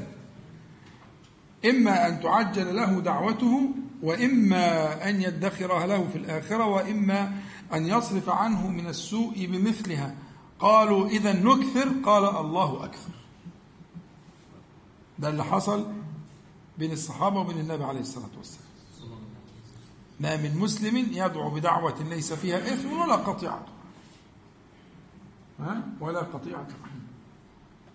إلا استجاب الله تبارك وتعالى أو أعطاه الله تعالى بها إحدى ثلاث. إحدى. إحدى يعني واحدة من ثلاثة مش الثلاثة. إحدى ثلاث. أن يعجل له كلمة كلمة يعجل دي مهمة. أن يعجل له دعوته اللي هو سألها بعينها. اثنين أن يدخر له في الآخرة. هي هي. بس عطاء من عطاء الآخرة من اللي طلبه. وإما أن يصرف عنه من السوء بمثلها. فالصحابة لأنهم بيفهموا مش يعني أو مش أنا يعني؟ ها؟ قالوا إيه؟ إذا نكثر. إن هي ربحة ربحة. ربحة ربحة إذا نكثر. فقال النبي عليه الصلاة والسلام الله أكثر أنا هسأل سؤال في الحديث اللي هو قاله عشان هو الباشمهندس محمد قاله. هسأل سؤال حديث. أي الثلاثة أنفع؟ هنرجع للسؤال الأولاني. بس أنا عايز أسأل سؤال. أي الثلاثة أنفع؟ ما تتعجلوش في الإجابة. ما تتعجلوش في الإجابة. النبي عليه الصلاة والسلام قال إلا أعطاه الله بها إحدى ثلاث. فأي تلك الثلاثة أنفع؟ قول. يعني إيه؟ يعني لو لو جاله القدر آه، استجابة دعوته يبقى ده كان الخير ليه. الأنفع له في, الوقت ده. ولو كان في الآخرة يبقى ده الأنفع. يعني الجواب أي الثلاثه انفع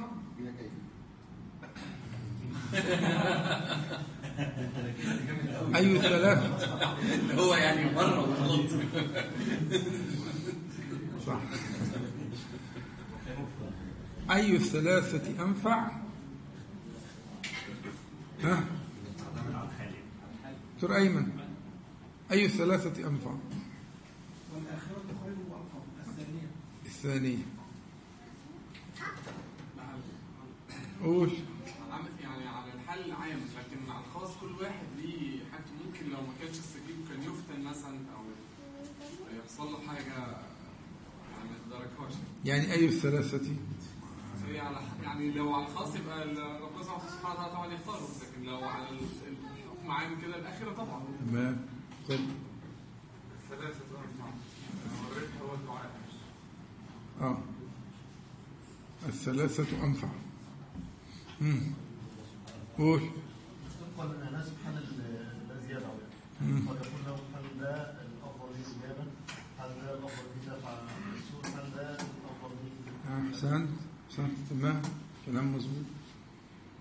يعني عايزين نقول إيه؟ إن مفيش واحد مفيش واحد شخص مكلف كل ما يدعو به الأنفع له واحدة من الثلاثة ما ينفعش. هو في حال هيبقى أنفع له الأولى. وفي حال الأنفع له الثانية. وفي حال الأنفع له الثالثة. وهو على كل حال زي ما محمد قال كده منتفع بالدعاء لأن الدعاء هو هو العبادة كما قال عليه الصلاة والسلام. الدعاء هو العبادة. فهو منتفع بهذا التعبد. لكن أي الثلاثة أنفع؟ بتخ- بتختلف حسب ما يعلمه الله تعالى من حال المكلف. فقد تكون الأولى هي الآن أنفع. بعلم الله تعالى وحكمته. فيجاب فيما دعا إليه. تعجل كلمة تعجل. يعجل له ما سأل. وقد يكون الأنفع له أن يصرف عنه الثالثة من السوء بمثلها.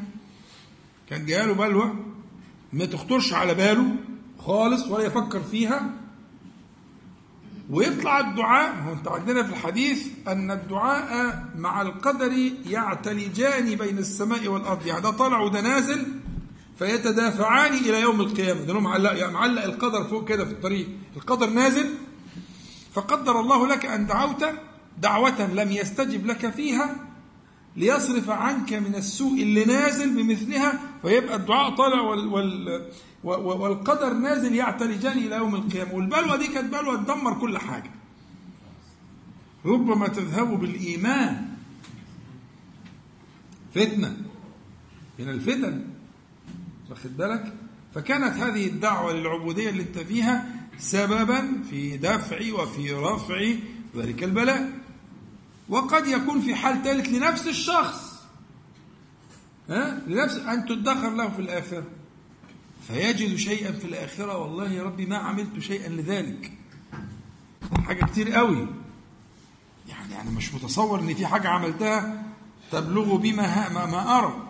فتلك دعوات من الدعوات التي قبلها لك وادخرها لك في الآخرة. فهو الشاهد إن كل انسان كل إنسان يمر بأحوال تكون الأولى أفضل أو الثانية أفضل أو الثالثة أفضل. هنا بقى يأتي معنى اللي قلناه قبل كده في التفويض إن الدعاء ينبغي أن يكون على قاعدة التفويض.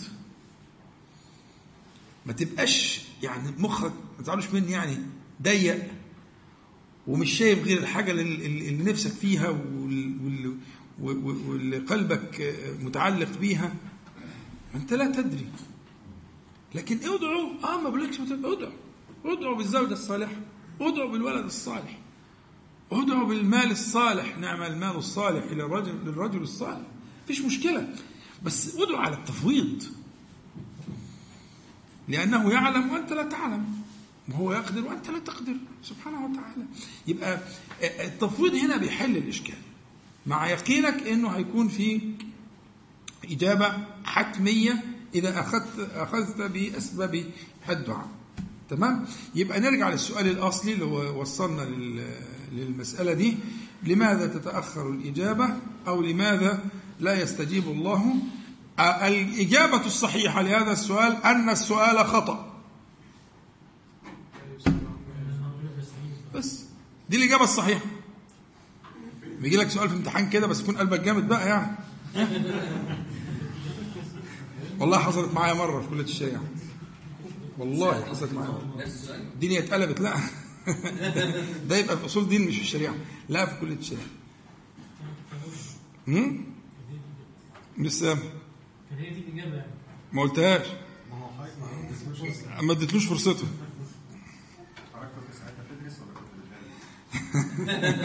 لا كنت بمتحن. وجاء خطأ. السؤال الرئيس السؤال الكبير في في ورقه الأسئلة خطأ. فطلبت أستاذ المادة فما كانش موجود. فجاني العميد فقلت له السؤال ده غلط. عشان كذا كذا كذا كذا كذا. الدنيا اتقلبت طبعا. وجابوا الراجل من بيته وجه والدنيا اتقلبت. وسحبوا الورق من الكل ونزلوا ورق جديد لامتحان. والله هذا حصل أقسم بالله. لا عمل امتحان وقعدوا الناس. كانوا يروحوا في داهية. أصل السؤال فا- خطأ فاحش. مش خطأ في كلمة ولا في عبارة خطأ في فهم. هو فاهم غلط. آه والله. ده كان أستاذ. كان استاذا في التخصص. يعني معاه دكتوراه وأستاذ. آه والله. وخطأ. وبعدين آه لما لموا الورق العدد كان ناقص. يعني كان في ناس لسه معاها ورق من الأسئلة القديمة. خدت بالك؟ ودوا الناس وقت ومش عارف إيه. فلقيتهم قفلوا الأبواب كلها ومشوا الناس من طريق كده وكل واحد يتاكدوا معاك الورق معاك الورق لغاية لما جه عليا أنا قال لي إلا أنت ولا أنساه أنسى الكلمة دي. هو شخص مشهور جدا دلوقتي بس مش اسمه يعني. مشهور جدا جدا يعني. آه يعني أول حرف من اسمه يعني. وبعدين قال لي إلا أنت. طلع ورقة الأسئلة. هي فعلا كانت في جيبي كنت محت... مش لحاجة والله كنت محتفظ بيها ليا لشخص يعني ذكرى يعني. قال لي إلا أنت الله يسترك. طلع ورقة الأسئلة. قلت له يا عم أنا عندي أتفضل. بديها له ماشي. لكن حصلت يعني. فهو الإجابة الصحيحة أن السؤال إيه؟ خطأ. مفيش حاجة اسمها لا يستجيب. محال. السؤال غلط. لماذا لا يستجيب الله تعالى؟ غلط. عشان كان واحد عامل مقالة الله الذي لا كلام خايب كده. هم؟ ها؟ إيه هو السؤال غلط؟ لا يعني أنا كنت رايك هو صح عشان كذا وغلط. طيب يعني إحنا باختصار السؤال خطأ. الله لا يستجيب دعاء المؤمنين خطأ. الله يستجيب دعاء المؤمنين بس بس بلطفه الخفي سبحانه وتعالى من حيث لا تحسبون ولا تدرون إما أن يكون أن يعجل لكم ما سألتم أن يدخر لكم ذلك في الآخرة أن يدفع عنكم من البلاء بمثل. ده السؤال الاجابه لا إحنا بنتكلم صار واحد مستوفي للشرط. خلاص إحنا واحد مؤمن ومستوفي للشرط.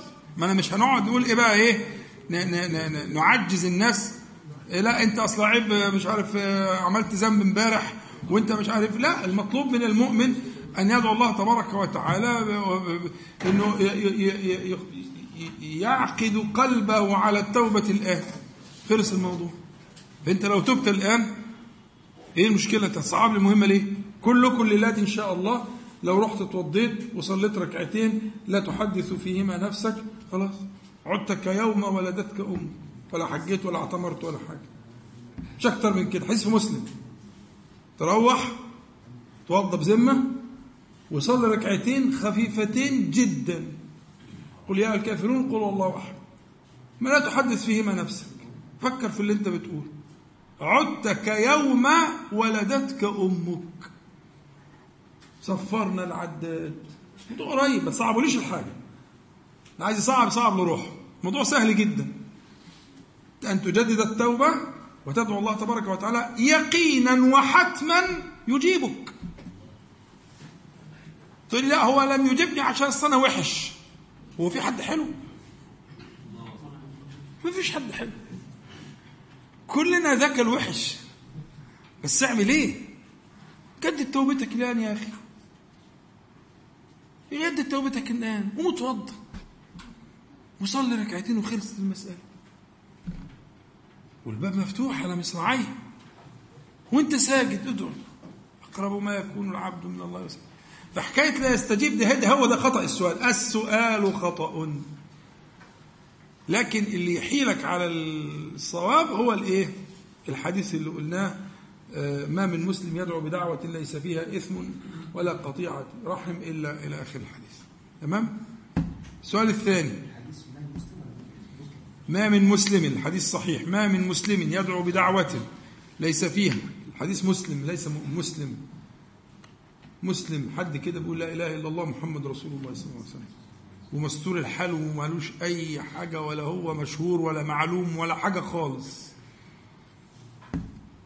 ده جمال الموضوع يا عمي. اتفضل. اللي ده عنده موانع. دي موانع. موانع. موانع والموانع معلومة ما هياش آه، غير معلومة. الموانع محددة. الموانع محددة المطعم الحرام والمأكل الحرام والمشرب الحرام. وشرط أن يكون عالما بذلك. لأن الجهل بيرفع. والشبهة بترفع. واحد حاطط فلوسه في البنك. مش أنتوا عايزين الكلمتين دول؟ هقول لكم الكلمتين اللي يريحوا واحد حاطط فلوس في البنك. ربوي تمام؟ بس هو شايف إنه شيخ الأزهر وشيخ ومفتي الديار المصرية بيفتي بيحل الحاجات دي. وإنه شايف إنك في قوي ده. حكم الراجل ده إيه؟ الأكل عنده حياته. قولا واحدا هو في حل ولا شيء عليه اطلاقا.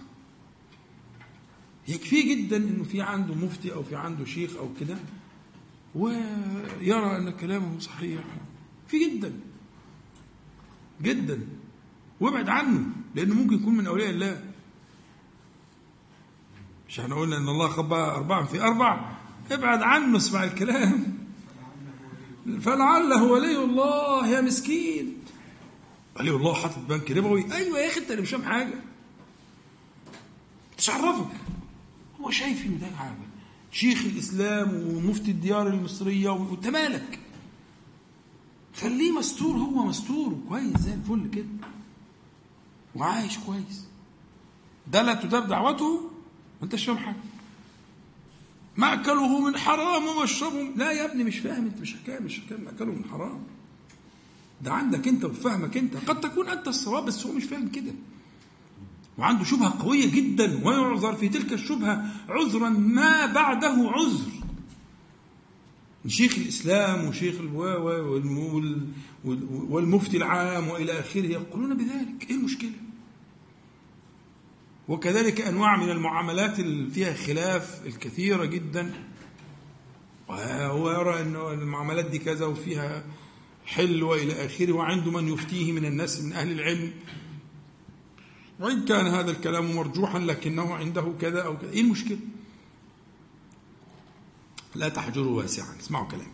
اطلع أنت بس من فيما بين العباد وبين ربهم سبحانه وتعالى. خرج نفسك من العلاقة دي. مش سكتك. إحنا بقى نعلم ندرس نفقه مش ماشي. ده وظيفتنا. لكن واحد حاله كده هذا مستور. فحكاية آه، آه، مطعمه حرام ومأكله حرام ومشربه حرام وغذي بالحرام ده اللي هو عارف إن ده حرام. بس آه، غلبته شهوته. لكن واحد عنده شبهة عنده تأويل عنده جهل عنده الحاجات دي كلها مرفوع عنه الإثم وال- وال- رفع عن أمتي الخطأ والنسيان وما استكرهوا عليه. فجاهل مش عارف. في ناس حملت الجهل وإن كان في خلاف في المسألة. لكن آه يعني لا تكونوا يعني آه بين العباد وبين الله تعالى. فيعني المهم آه السؤال الثاني نعم عشر دقائق السؤال الثاني كيف يوفق الداعي بين رغبته في إجابة دعائه والتفويض والتسليم لله تبارك وتعالى في اختيار ما يصلحه. انت لسه بتكلمنا من شوية على التفويض. بس في الرغبة البشرية آه، مثلا خد مثال الزوجة أو الولد أشد شوية حد محروم من الولد ونفسه في الولد. إزاي يدعو أن يرزقه الله تبارك وتعالى ولدا؟ وله الرغبة الشديدة في ذلك الفطرية الجبلية ها؟ وبعدين انت تقول له ادعو بالتفويض. يعني لا تدعو بالاختيار على الله تعالى. فهمني أنا مش فاهم. أنا راجل مش فاهم. أنا عايز أدعو بحاجة نفسي فيها قلبي متعلق بيها. وحلال ما فيهاش حاجة. وبعدين لما أجي أدعو أنت بتقول لي لا تدعو على التفويض.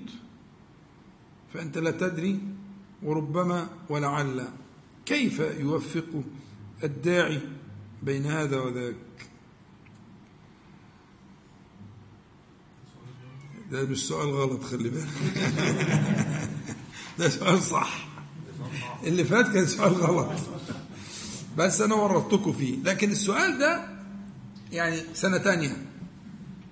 السؤال اللي فات كان سنة أولى. ده سؤال سنة تانية على فكرة مفيش واحد فيكم ما بيتعرضش للموقف ده. ولا واحد. إن عندك مراد شرعي. آه شرعي. ونفسك فيه. وبعدين يجي الشيخ بيعلمك الدعاء يقول لك ادعو بالتفويض. مفيش تعارض. أنا بقول لك هنا أنا بسالك كيف توفق أنا بقول لكش في تعارض. بقول لك عايز التوفيق عايزك تساعدني على أن أوفق بين رغبتي الجبلية الفطرية وبين الأدب اللي أنت بتتكلم عليه أو الحكم أو الشرع في أن يكون الدعاء تفويضا. التفويض معناه زي دعاء الاستخارة كده. التفويض زي دعاء الاستخارة. بس مش كل دعاء استخارة. رب هب لي من لدنك ذرية طيبة إنك سميع الدعاء. ما قالش إن كنت تعلم أن الذرية كذا وكذا فهب لي. النص كده. واللي قال كده مين؟ آه. إمام الأنبياء. فدعا بالجزم. فأنت يعني عم الشيخ عايز تفهمني إن كان في تفويض في دعوة إبراهيم.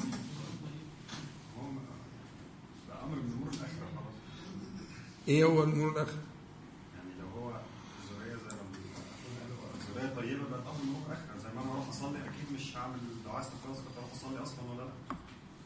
فقلت ان مفيش استخاره لا ما فيش استخارة على الصلاة طبعا.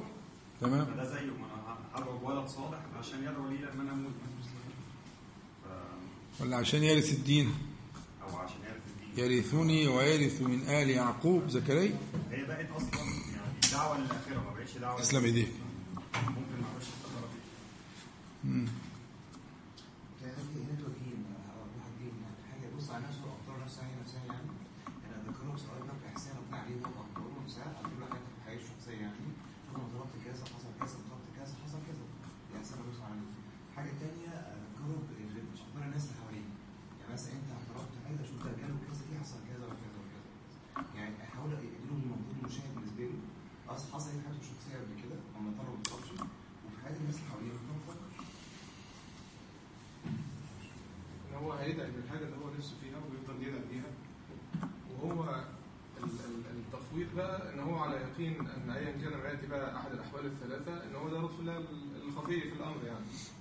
ولا يزال عاكف على الدعاء ويتعبد لله عز وجل به ولكن لا يعجل الاجابه يعني لعل- لعله لا يدري آه لطف الله الخفي في الأمر يعني.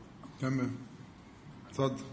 وحضرتك نفس حاجة سالتنا عن حاجة آه، إحنا ما نقدرش نتحكم فيها يعني حضرتك الانسان دلوقتي ان أنا ارضى ولا ما ارضاش والرضا ده عمل قلبي القلب ده أنا لا املكه مش يعني أنا ما املكش القلب ده فربنا سبحانه وتعالى هو اللي يملك القلب إلى الله سبحانه وتعالى إنه يرضيني ب- بقضائه سبحانه وتعالى. سبحانه وتعالى تمام.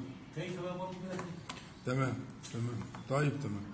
يعني أنتم تحومون حول المراد فعشان الوقت المسموح لأنه يبدو أن أنا ما عادش في وقت ف نصلي على النبي صلى الله عليه وسلم. أنا عايز أنبه حضراتكم إلى أن دعاء الاستخارة الموجود في حديث البخاري يبدأ بقول النبي صلى الله عليه وسلم إذا هم أحدكم بأمر.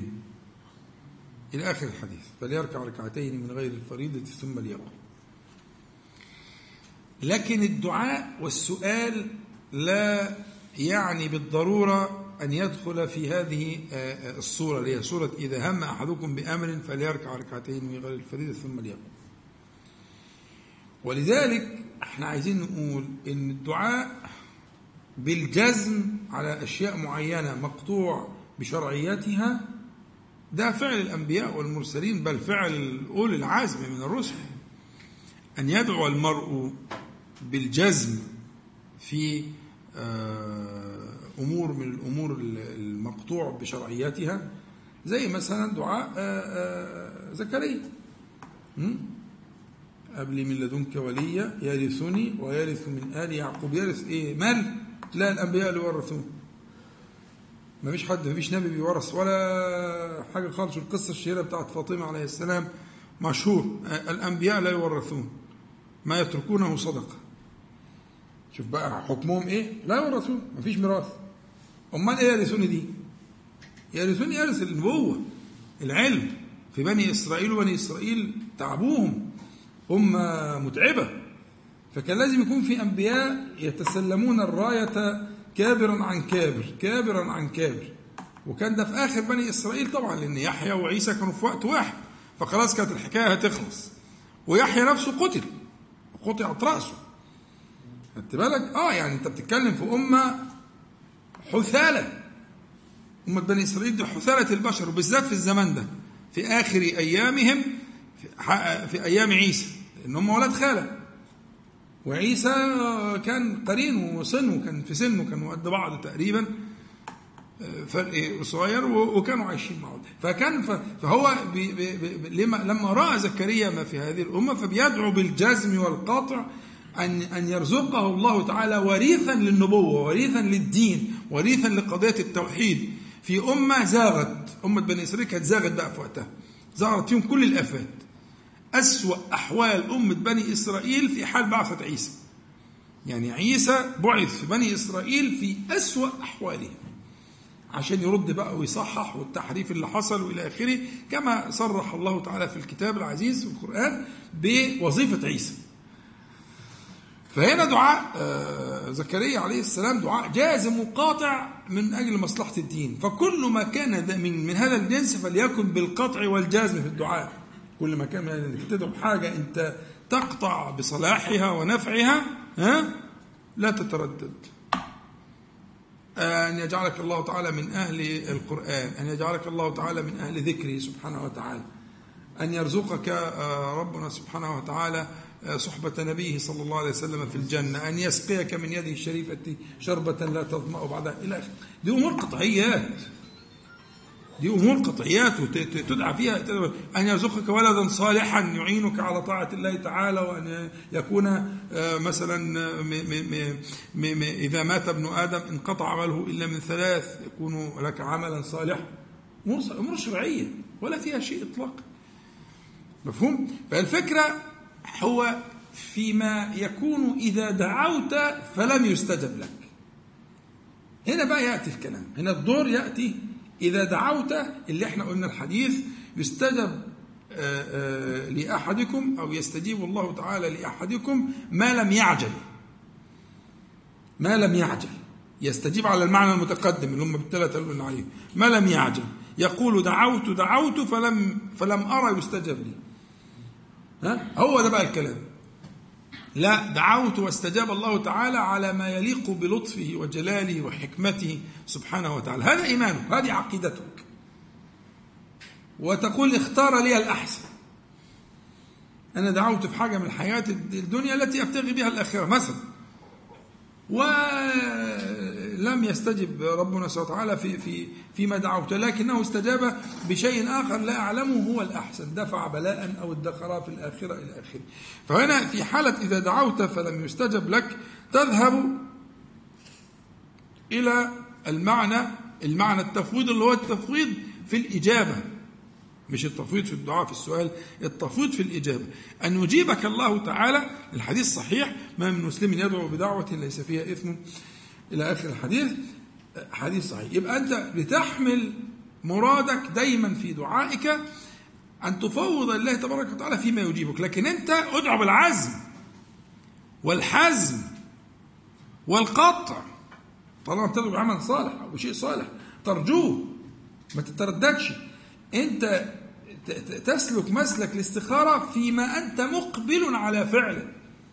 لقوله عليه الصلاة والسلام إذا هم أحدكم بأمر والهم ده من أواخر مراحل السابقة للفعل. هو مش الفعل نفسه لكن مراحل من من من من, من أواخر من أواخر الممهدات للفعل ولقد همت به وهم به الهم ده مرحلة متأخرة. تمام؟ إذا هم أحدكم بأمر فليركع ركعتين من غير الفريضة ثم ليقرأ. يبقى هنا ده إذا كنت مقبل على حاجة وفي احتمال وفي احتمال إن كان هذا الأمر فيه خير إن كان فيه شر ماشي. لكن بتدعو بأمر يغلب عليك أنه من عمل الآخرة أو أنه من النافع وكده إن ربنا يصلح عيالك. هذه فيها يعني فيها احتمالات. احتمال واحد. يعني خلاص يصلحهم. يجعلهم من أهل الدين أهل الصلاح أهل الآخرة. يجعلهم من الولد الصالح الذي يدعو لك مثلا. واخد بالك؟ ده بالجزم يكون الدعاء بالجزم. أن يرزقك الله تبارك وتعالى زوجا صالحا بالجزم ولدا صالحا بالجزم. لا في مفيش تردد في الحاجات دي. لكن في تفويض فين بقى؟ ها؟ في الإجابة جمعنا بقى بينهم؟ يبقى الدعاء بالجزم والعزم والحسم. في كل ما يغلب عليك أنه صالح وأنه من عمل الآخرة. ولكن التفويض في الإجابة الله أعلم بقى أنت مش عارف الإيه الأحسن كان إيه؟ فتسلم في الإيه في لكن حينما تدعو وحينما تسأل وتسأل زمانا طويلا لأن هو إبراهيم عليه السلام كم دعا الله تعالى بولد صالح. أكثر من 80 سنة. صح؟ أكثر من 80 سنة. ولم يوجد. أجابه الله تعالى. ما لا ما تخافش مش الدرجات مش الدرجات. أنت إن شاء الله ربنا يكرمك قريب يعني إن شاء الله. ده إبراهيم عليه السلام. لكن لا لا لا إن شاء الله ربنا يرضيك قبل 80 سنة بكتير إن شاء الله. لكن شوف شوف شوف شوف إبراهيم عليه السلام. 80 سنة ها يدعو بولد صالح وبعدين في الآخر يرزق بنبيين. آه، وكل منهم كانت له آه، آه، ذرية الأنبياء إلى يوم القيامة. مظبوط؟ إسحاق. ومن وراء إسحاق يعقوب اللي هو إسرائيل. إسرائيل يعني عبد الله. ها؟ وإسماعيل. ومن ولده كان محمد صلى الله عليه وسلم. بس إيه 80 سنة يعني. يعني برضو إيه، ف- فبدا مقام إبراهيم عليه السلام بس ما ما ما انقطع. لم ينقطع. قال رب هب لي من لدنك ذرية طيبة إنك سميع الدعاء. طب فين الأسباب؟ ده حتى الأسباب مش موجودة. يعني الأسباب المادية مش متوفرة يعني. هي قالت كده. قالت يا ويلتى أألد وأنا عجوز وهذا؟ اسم الإشارة. بعلي شيخة. يعني هي بت- بتشير لإيه؟ لانقطاع السبب. مفيش أسباب. بس ده مقام إبراهيم عليه السلام أبو الأنبياء. كان أمة. كما في آخر سورة النحل كان أمة. إبراهيم كان أمة. دي حكاية تانية. لكن بنتعلم بنتعلم إنه ممكن آه. فظل يدعو يدعو لكن مشروع أن تدعو بالجزم والعزم. لكن التفويض فين بقى يا مولانا؟ ها؟ الله يفتح عليك في الإجابة. أن تفوض وأن ترضى مقدما. توقيع على بياض. أنت بتسأل والخيارات الثلاثة مفتوحة. وأنت راض بما قسم الله تبارك وتعالى. هي دي بقى العبودية. عشان كده نرجع لأول القصة بتاعت الدرس بتاعنا الدعاء هو العبادة. العبادة اللي هتسويك. كل ما في نفسك من النتوءات والبروزات والاعوجاج واللي انت عارفه لا يسويه لا يعبده كالطريق المعبد مثل الدعاء. أن ترفع يديك في هذا المقام من الذل وأن تسلم وأن ترضى وأن تفوض وأن تلح وأن تكرر. لا دب اللي قلناها كلها. اجتماع هذه هذا المسلسل ادعوا الله وأنتم موقنون بالاجابه اليقين كأنها نازلة. بس بأي صفة ما أنتش عارف تفويض تسليم رضا. مقام الدعاء من أجل مقامات العبودية. إذا استوفيت فيه تلك المشاهد ارجع بقى للتسجيل. إذا استوفيت فيه تلك المشاهد وهذه المعاني خلاص. أي نتوء في نفسك أي اعوجاج فيها سيقوم حتما ويقينا بتلك الوظيفة. وتبقى عبد. عبد يعني إيه؟ ذل وانقياد. استويت. زي ما تركب كده طريق تقول ال- الطريق ده اللي مسفلتينه ومخلينه حرير. هو ده التعبيد ولا بلاش؟ مش كده؟ هو ده اللي أنا بقول لك عليه. هي دي النفس المعبدة التعبيد اللي بقى حرير بقيت طريق حرير. استوى استوى. ما في نفسك من التطلعات والتشوفات وال والتعلقات؟ العوائق والحاجات اللي شرحناها قبل كده. ماشي؟ طيب نسأل الله تعالى أن ينفعنا بما قلنا وما سمعنا. الباب مفتوح اتفضل. أنا كده خلصت. يعني لو في واحد مثلا لا هم بيزعلوا. كذا مرة قالوا لنا حكاية يعني يشركونا معاكم في الأسئلة. اتفضل. في واحد يصيب مثلا بمرض زي السكر مثلا. أيوه فيدعو يدعو ربنا سبحانه وتعالى إن يشفي ولده بس ولا يدعو بالاستخارة لو كان ده خير لابنه لا لا ما لا مش استخارة. مش استخارة. لا لا ما يكون لا قدر الله طفل مثلا جاله اللي هو سكر الأطفال ده. ودي بلوة كبيرة طبعا. بس الحمد لله الدنيا اتحسنت خالص جدا وفي يعني مستقبل السكر القريب مستقبل كويس جدا إن شاء الله وربما يكون قريبا جدا في الأسواق يعني إنه يبقى في إنسولين على شكل أقراص وتنتهي المسألة. فإن شاء الله اللي هم الجماعة بتوع الجيفونال اللي هم بتوع ال- ال- السكر في السن الصغير ده لكن أنا افترض هي بلوى طبعا لا شك إنها بلاء بلاء. فأن يدعو الله تبارك وتعالى له بالشفاء بالجزم والعزم والحزم هو ده الأصل طبعا. ما يقولش إن كان شفاؤه كذا لا. مش داخلة في إذا هم أحدكم بأمر. وإذا مرضت فهو يشفيه بس يدعو الله تبارك وتعالى أن يشفيه أن يشفي ولده بالجزم والعزم مش عايز كلام ولا كلام آه، ما يكونش بس ده تطهيرا للوالد مثلا أو عشان التعب بتاعه. ومين قال إنه مش هيكون تطهير لو شفاه برضه؟ لا أنا أدعو بالشفاء. وأن يكون ال- ال- النبي عليه الصلاة والسلام كان اذا إذا عاد مريضا قال- قال كفارة وشفاء وطهورا. ماشي كويس. بس يدعو له بالشفاء بس قال كفارة وطهور. فبيدعو إن المرض يكون ثلاث حاجات. فكونه يكون طهور الله أكبر طبعا. يكون كفارة الله أكبر. بس برضه شفاء. مش خليك بقى كده. لا يظل محموما مثلا عنده الحمى. لا خلاص جاءه من الحمى ما جاءه فكانت كفارة وطهورا طب ونقول له إيه كمان؟ شفاء. ها؟ الله أعلم.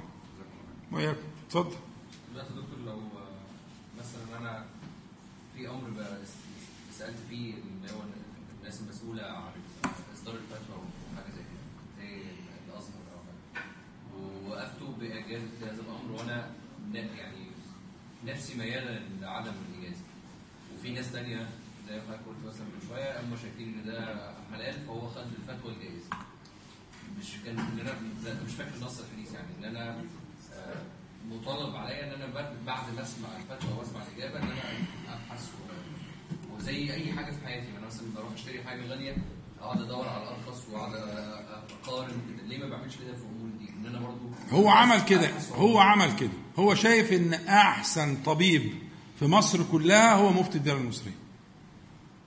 وأس- وشيخ الجامعة الأزهر. هو هو مش أنت. يعني هو والدك ولا عمك ولا قريبك ولا كده هو شايف إن إن هو ده العلم وهو ده الدين. وهو ده من حقه يفتي. وإن أنت وأمثالك مش من حقكم تقولوا افتاء ولا اللي زي ولا إحنا. طب هو المفروض عليه إن هو لما يسمع منهم يسكت ولا المفروض يدور وراهم؟ يدور وراهم إزاي مش عرفه يعرف إزاي في أمور دنيته الأمور اللي ما يعرفش فيها أي حاجة بيقعد يدور ويدور. بيدور على على. يعني افترض مثلا على مثلا مرض في العين أو مرض في القلب بيعمل إيه؟ بيروح يدرس طب عشان يعرف مرض في القلب؟ لا بيشوف مين أحسن أطباء القلب في مصر ويشوف ويحجز ومش عارف يعمل إيه ويدفع كشوفات غالية وحاجات زي كده. مش كده؟ بس ما بيسلمش من أول دكتور. ولا عاشر دكتور بس راح لأعلى دكاترة. هو شايف إن أعلى دكاترة في في- الفقه والشريعة هم دول. هو مقتنع بكده. أنت مش مالين دماغك ده موضوعك يخصك أنت. لكن هو شايف إن هم دول أهل العلم وأهل الفقه. ودول المشايخ ودول الأزهرة ودول كذا. وعنده طبعا حق في الكثير من هذا الكلام بس مش مش مش بالصورة دي. لكن لازم أعذره. لكن أنت عرفت إن في ناس أمهر في طب القلب أو في طب ال- الأعصاب أو العيون فذهبت إلى هؤلاء الذين تراهم أمهر وأدق لكن هو مش مقتنع بهم هو ده الفرق. الفرق إنك أنت بتبحث عن أهل الثقة الذين تثق فيهم في هذا التخصص وهذا العلم وهو شايف إنه دول أهل الثقة. أنا أعذره أنا ببحث أنا أكلمكم عن العذر أن تعذروا هؤلاء لا أن تقلدوهم. أن تعذروهم. المشكلة بقى إن حضراتكم ما بتعذروهمش هي دي المصيبة. لا لا لا إفراط ولا تفريط يا هندسة. لا إفراط ولا تفريط. يعني مش لا تقلده ولا تحتقر وتزدريه لا كده ولا كده. اعذره هو غلط هو وقع. بس محتاج منك العذر يا أخي. أنت بخيل بإنك تعذره. اعذره إن أنت تكون زيه احمد ربنا على النعمة اللي أنت فيها إن ربنا مبصرك. لكن أبوك معذور. هو شايفكم كلكم مالكمش لازمة أصلا. صحيح. شوية عيال. قالت لي كلمتين وعملت لي فيها لكن شيخ مشايخ مش عارف رأيت إيه. هو ده المظبوط. وأنتوا شوية عيال ووجعتوا لنا دماغنا. ارحموا بقى. ما تدلوش الكارت الأصفر وبعدين بعدين الكارت الأحمر. ما ينفعش. ربما يكون معذورا عند الله تبارك وتعالى. ربما يكون وليا لله تعالى. لعله ولي الله اسمع الكلام. أنا خايف عليك أنت. هو اصله سالك. هو واخد العفو معدي خلاص. لأنه بذل اللي يقدر عليه. اللي ربنا اداهوله على قد ربنا علمه له هو بذل ما استطاع. هو ده أخره. حلو قوي رضا كويس. أنت بقى ربنا ادالك آه، انتفع باللي ربنا اداهولك. فانا لا لا إفراط ولا تفريط. لا أقول لك تقلده ولا أقول لك تحتقره وتزدريه وتستعلي عليه. لكن أقول اعذره اعذره. اتفضل. دعوة سيدنا نوح نوح ها؟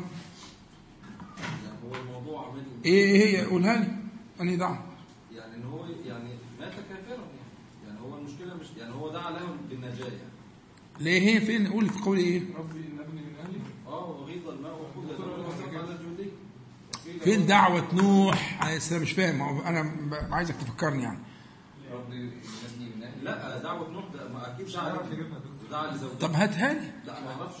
لا ما هو أنت هتدخل كده هتخش في إشكالية ثانية اللي هو استنى بس. هل النبي صلى الله هل أي نبي من الأنبياء عليهم السلام لم يدعو يوما الله سبحانه وتعالى لأقرب الأقربين له؟ فده طبعا يعني ده شيء مش محتاج إن أنا أسأل فيه. استنى بس عليا. يعني ما طب تواضع شوية. مش محتاج إنك تسأل فيه ليه؟ يعني يعني انت انزل درجه شوية انزل درجة؟ قول يعني إيه- إيه- إيه، يقبل الأخذ والرد وكده لكن مش محتاج إنك تسأل فيه. طب بتسألني ليه؟ لا أنا بسال حضرتك عشان لا لا لا ده نسأل فيه ونص كمان. ماشي. وأنا أعترض على ذلك اللي أنت مش محتاج تسأل فيه ده ولا دليل عليه. لم يدعو النبي صلى الله عليه وسلم لعمه ابدا. واستغفر للمنافقين حتى نهي عنهم والصلاة عليه. المنافقين مستورين. فرحمة النبي عليه الصلاة والسلام إنه كان بيستغفر. وصلى على عبد الله بن أبي بن سلول وأعطاه ثوبه ليدفن فيه. لما ابنه قال له كده يمكن ينفعه. فعمر جذبه من ثوبه. فقال خيرني ربي. قال استغفر له أو لا تستغفر له. ما كانتش لسه الآية الثانية نزلت. ولا تصلي على أحد منهم مات ابدا. فنزلت دي فقطعت المسألة لكن لما كان في مخرج لأنه يستغفر شوف رحمة النبي عليه الصلاة والسلام رغم إنه هو كان بيكيد الكيد كله. ده اللي عمله في أحد بس لوحده تاني. أيوه والإفك كل أحد أحد مات سبعين من أصحاب النبي صلى الله عليه وسلم من خيرة من حمزة. سبعين ماتوا الخيار. يعني ده كان كافي. لكن لما وجد مخرجا لأن يخرجه من النار فعل ذلك. لكن لم يثبت أن ما تصبر عليها يا حبيبي. لم يثبت أن النبي صلى الله عليه وسلم دعا لأبي طالب. لكن دعاه مرات ومرات ومرات ألف مرة. دعاه. لكن دعا له عليك الإثبات. اللي مش محتاجة سؤال. كانت بديهية كانت بديهية عندك. حضرتك دلوقتي بتقول لي هو يعني هو هو, الأنبياء جميعا هم أرحم خلق الله بخلق الله. بدعوة الناس إلى الله تعالى والدلالة عليه وشفقة الشفقة عليهم وإنجائهم من النار. وأنا جبت لك مثال على ما كان في احتمال. استغفر لهم ولا تستغفر لهم فاختار الاستغفار. قال خيرني ربي. وعمر قال له لا رضي الله عنه. قال له لا خيرني ربي وصلى على عبد الله بن أبي بن سلول وأعطاه بردته وكفنه ابنه فيها عايز أكتر من كده إيه؟ إيه أرحم من كده وأرأف من كده؟ لأن في مجال، لكن لما يكون الباب مقفول انتهى بقى خلاص. على ان لأن ابن سلول ما كانش كافر.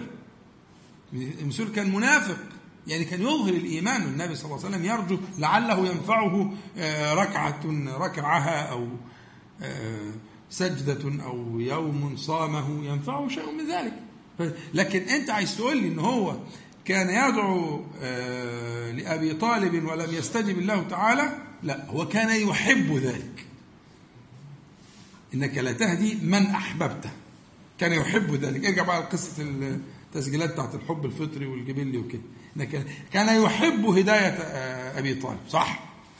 لكن لم يدعو الله تعالى دعوة النبي صلى الله عليه وسلم لا ترد. لم يدعو النبي صلى الله عليه وسلم بهداية أبي طالب ولم يدعو نوح بهداية ابنه.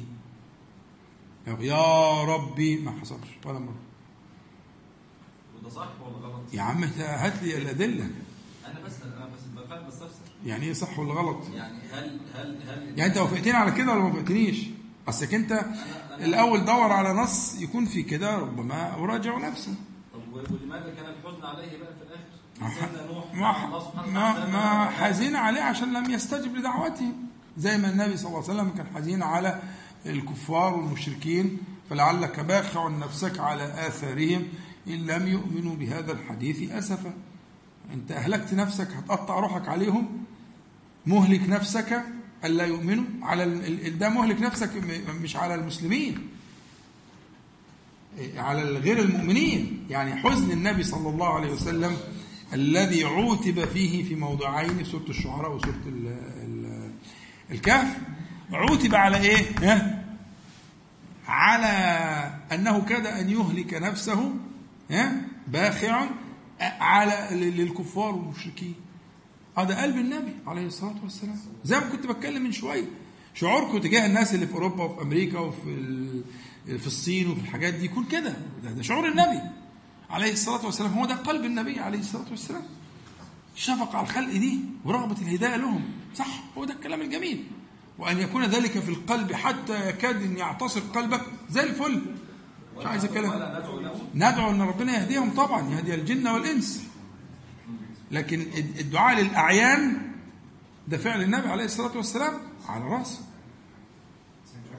التفويض لله تعالى أن يدعو آه، ب- ب- بهداية عين من الأعيان دي يبقى فيها وحي. وربنا يهديه ويستجيب الله تعالى لدعوته. اتفضل. زوجتي ابني مش يعني مش مش أعيان ده أنا بتكلم بصفته ابن لو اسمه إيه؟ هو ابني أيوه ابن ابن كافر يعني. ابن كافر. يعني. طيب ما انت ضربت مثال بنوح. آه. خلاص ماشي. لكن ال- لو دعاء غير غير ال- الأنبياء والمرسلين الدنيا فيها سعه فيها سعه لو غير الأنبياء والمرسلين فيها سعه ادعو زي ما انت عايز. يعني أنا في ناس تقول لي آه، في بعض الكفار بيبقى صعبان عليا. نعم. في بعض الكفار يبقى صعبان عليهم ما يسلموش. في ناس تقول كده. مثلا واحد عنده من الإنصاف يعني أنا مثلا شخصيا أرجو الله تعالى أن أن أن يهدي نعومة شومسكي مثلا. أن ي... نعومة شومسكي مش مشكله واحد يعني المهم يعني هو يهودي يهودي أمريكي. إن ربنا يتوفاه مسلما الراجل ده يعني بني آدم محترم جدا وفاضح لليهود واقف ليهم من خمسين ستين سنة وهو دلوقتي داخل في 90 سنة على حاجة و80 حاجة حكاية. إيه المانع؟ إن واحد بعينه تسأل الله تبارك وتعالى أن يهديهم وان يتوفى على الإسلام. إيه المشكلة؟ ها مفيش مشكلة خالص. لكن دعوة الأنبياء دي حاجة مختلفة. دعاء الأنبياء ده إحنا هنتكلم عن دعاء الأنبياء. أنت قلت لي نوح عليه السلام. قلت لك هات لي الدليل. النبي عليه الصلاة والسلام. هات لي الدليل. على عين بعينه. شخص معين بعينه. أخوه أبوه ابنه زي ما يكون. بعينه. خدت بالك؟ لكن علينا إحنا آه ندعو طبعا. ونرجو الله تعالى أن يهدي الإنس والجن أو أن يهدي أعيانا باعيانهم اتفضل حضرتك. تأخذون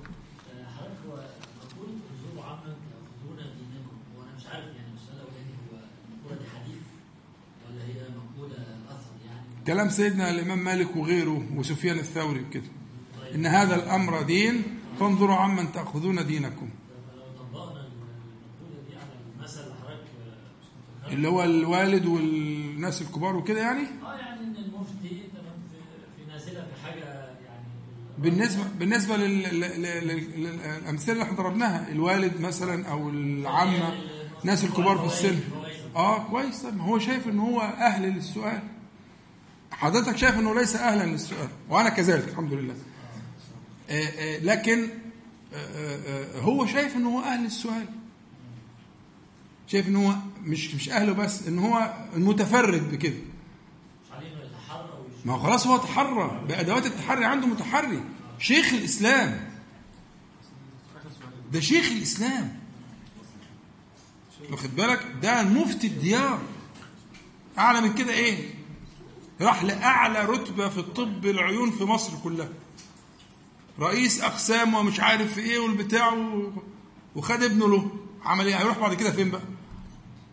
مفيش مفيش أعلى من كده. فراح لأعلى حاجة. أنا أعذره بقى. أنا مش بطالبك تقلده. أنا بطالب حضرتك تعذره. بس ليه؟ لأن للأسف الشديد أغلب المتدينين يفقدون هذا الخلق. للأسف الشديد. ما عندهمش سعة الصدر إن هم يعذرون هؤلاء الناس الطيبين. أن يجدوا لهم عذرا. في أنهم آه، بالعكس أنا أنا شايف أنه واجب علينا أن نعذرهم تمام. خلاص ماشي. طيب. آه نكتفي على هذا المقدار. والله تعالى عز وأعلم. هاي الساعة دي على فكرة مضلله آه يلا. أعوذ بالله من الشيطان الرجيم. بسم الله الرحمن الرحيم. الحمد لله رب العالمين. اللهم صل على محمد النبي وأزواجه أمهات المؤمنين وذريته وأهل بيته كما صليت على آل إبراهيم إنك حميد مجيد. اللهم أقسم لنا من خشيتك ما تحول به بيننا وبين معاصيك ومن طاعتك ما تبلغنا به جنتك ومن اليقين ما تهون به علينا مصائب الدنيا. اللهم متعنا بأسماعنا وأبصارنا وقوتنا ما أحييتنا. واجعله الوارث منا واجعل ثأرنا على من ظلمنا وانصرنا على من عادانا ولا تجعل مصيبتنا في ديننا ولا تجعل الدنيا أكبر همنا ولا مبلغ علمنا ولا تسلط علينا من لا يرحمنا. اللهم ربنا آتنا في الدنيا حسنة وفي الآخرة حسنة وقنا عذاب النار. اللهم أعنا على ذكرك وشكرك وحسن عبادتك. حبب إلينا الإيمان وزينه في قلوبنا وكره إلينا الكفر والفسوق والعصيان واجعلنا من الراشدين. اللهم صل على محمد النبي وأزواجه أمهات المؤمنين وذريته وآل بيته. كما صليت على آل إبراهيم إنك حميد مجيد. والحمد لله رب العالمين. نقول جميعا سبحانك اللهم ربنا وبحمدك. أشهد أن لا إله إلا أنت. أستغفرك وأتوب إليك. السلام عليكم ورحمة الله دعا لأبيه رب اغفر لأبيه إنه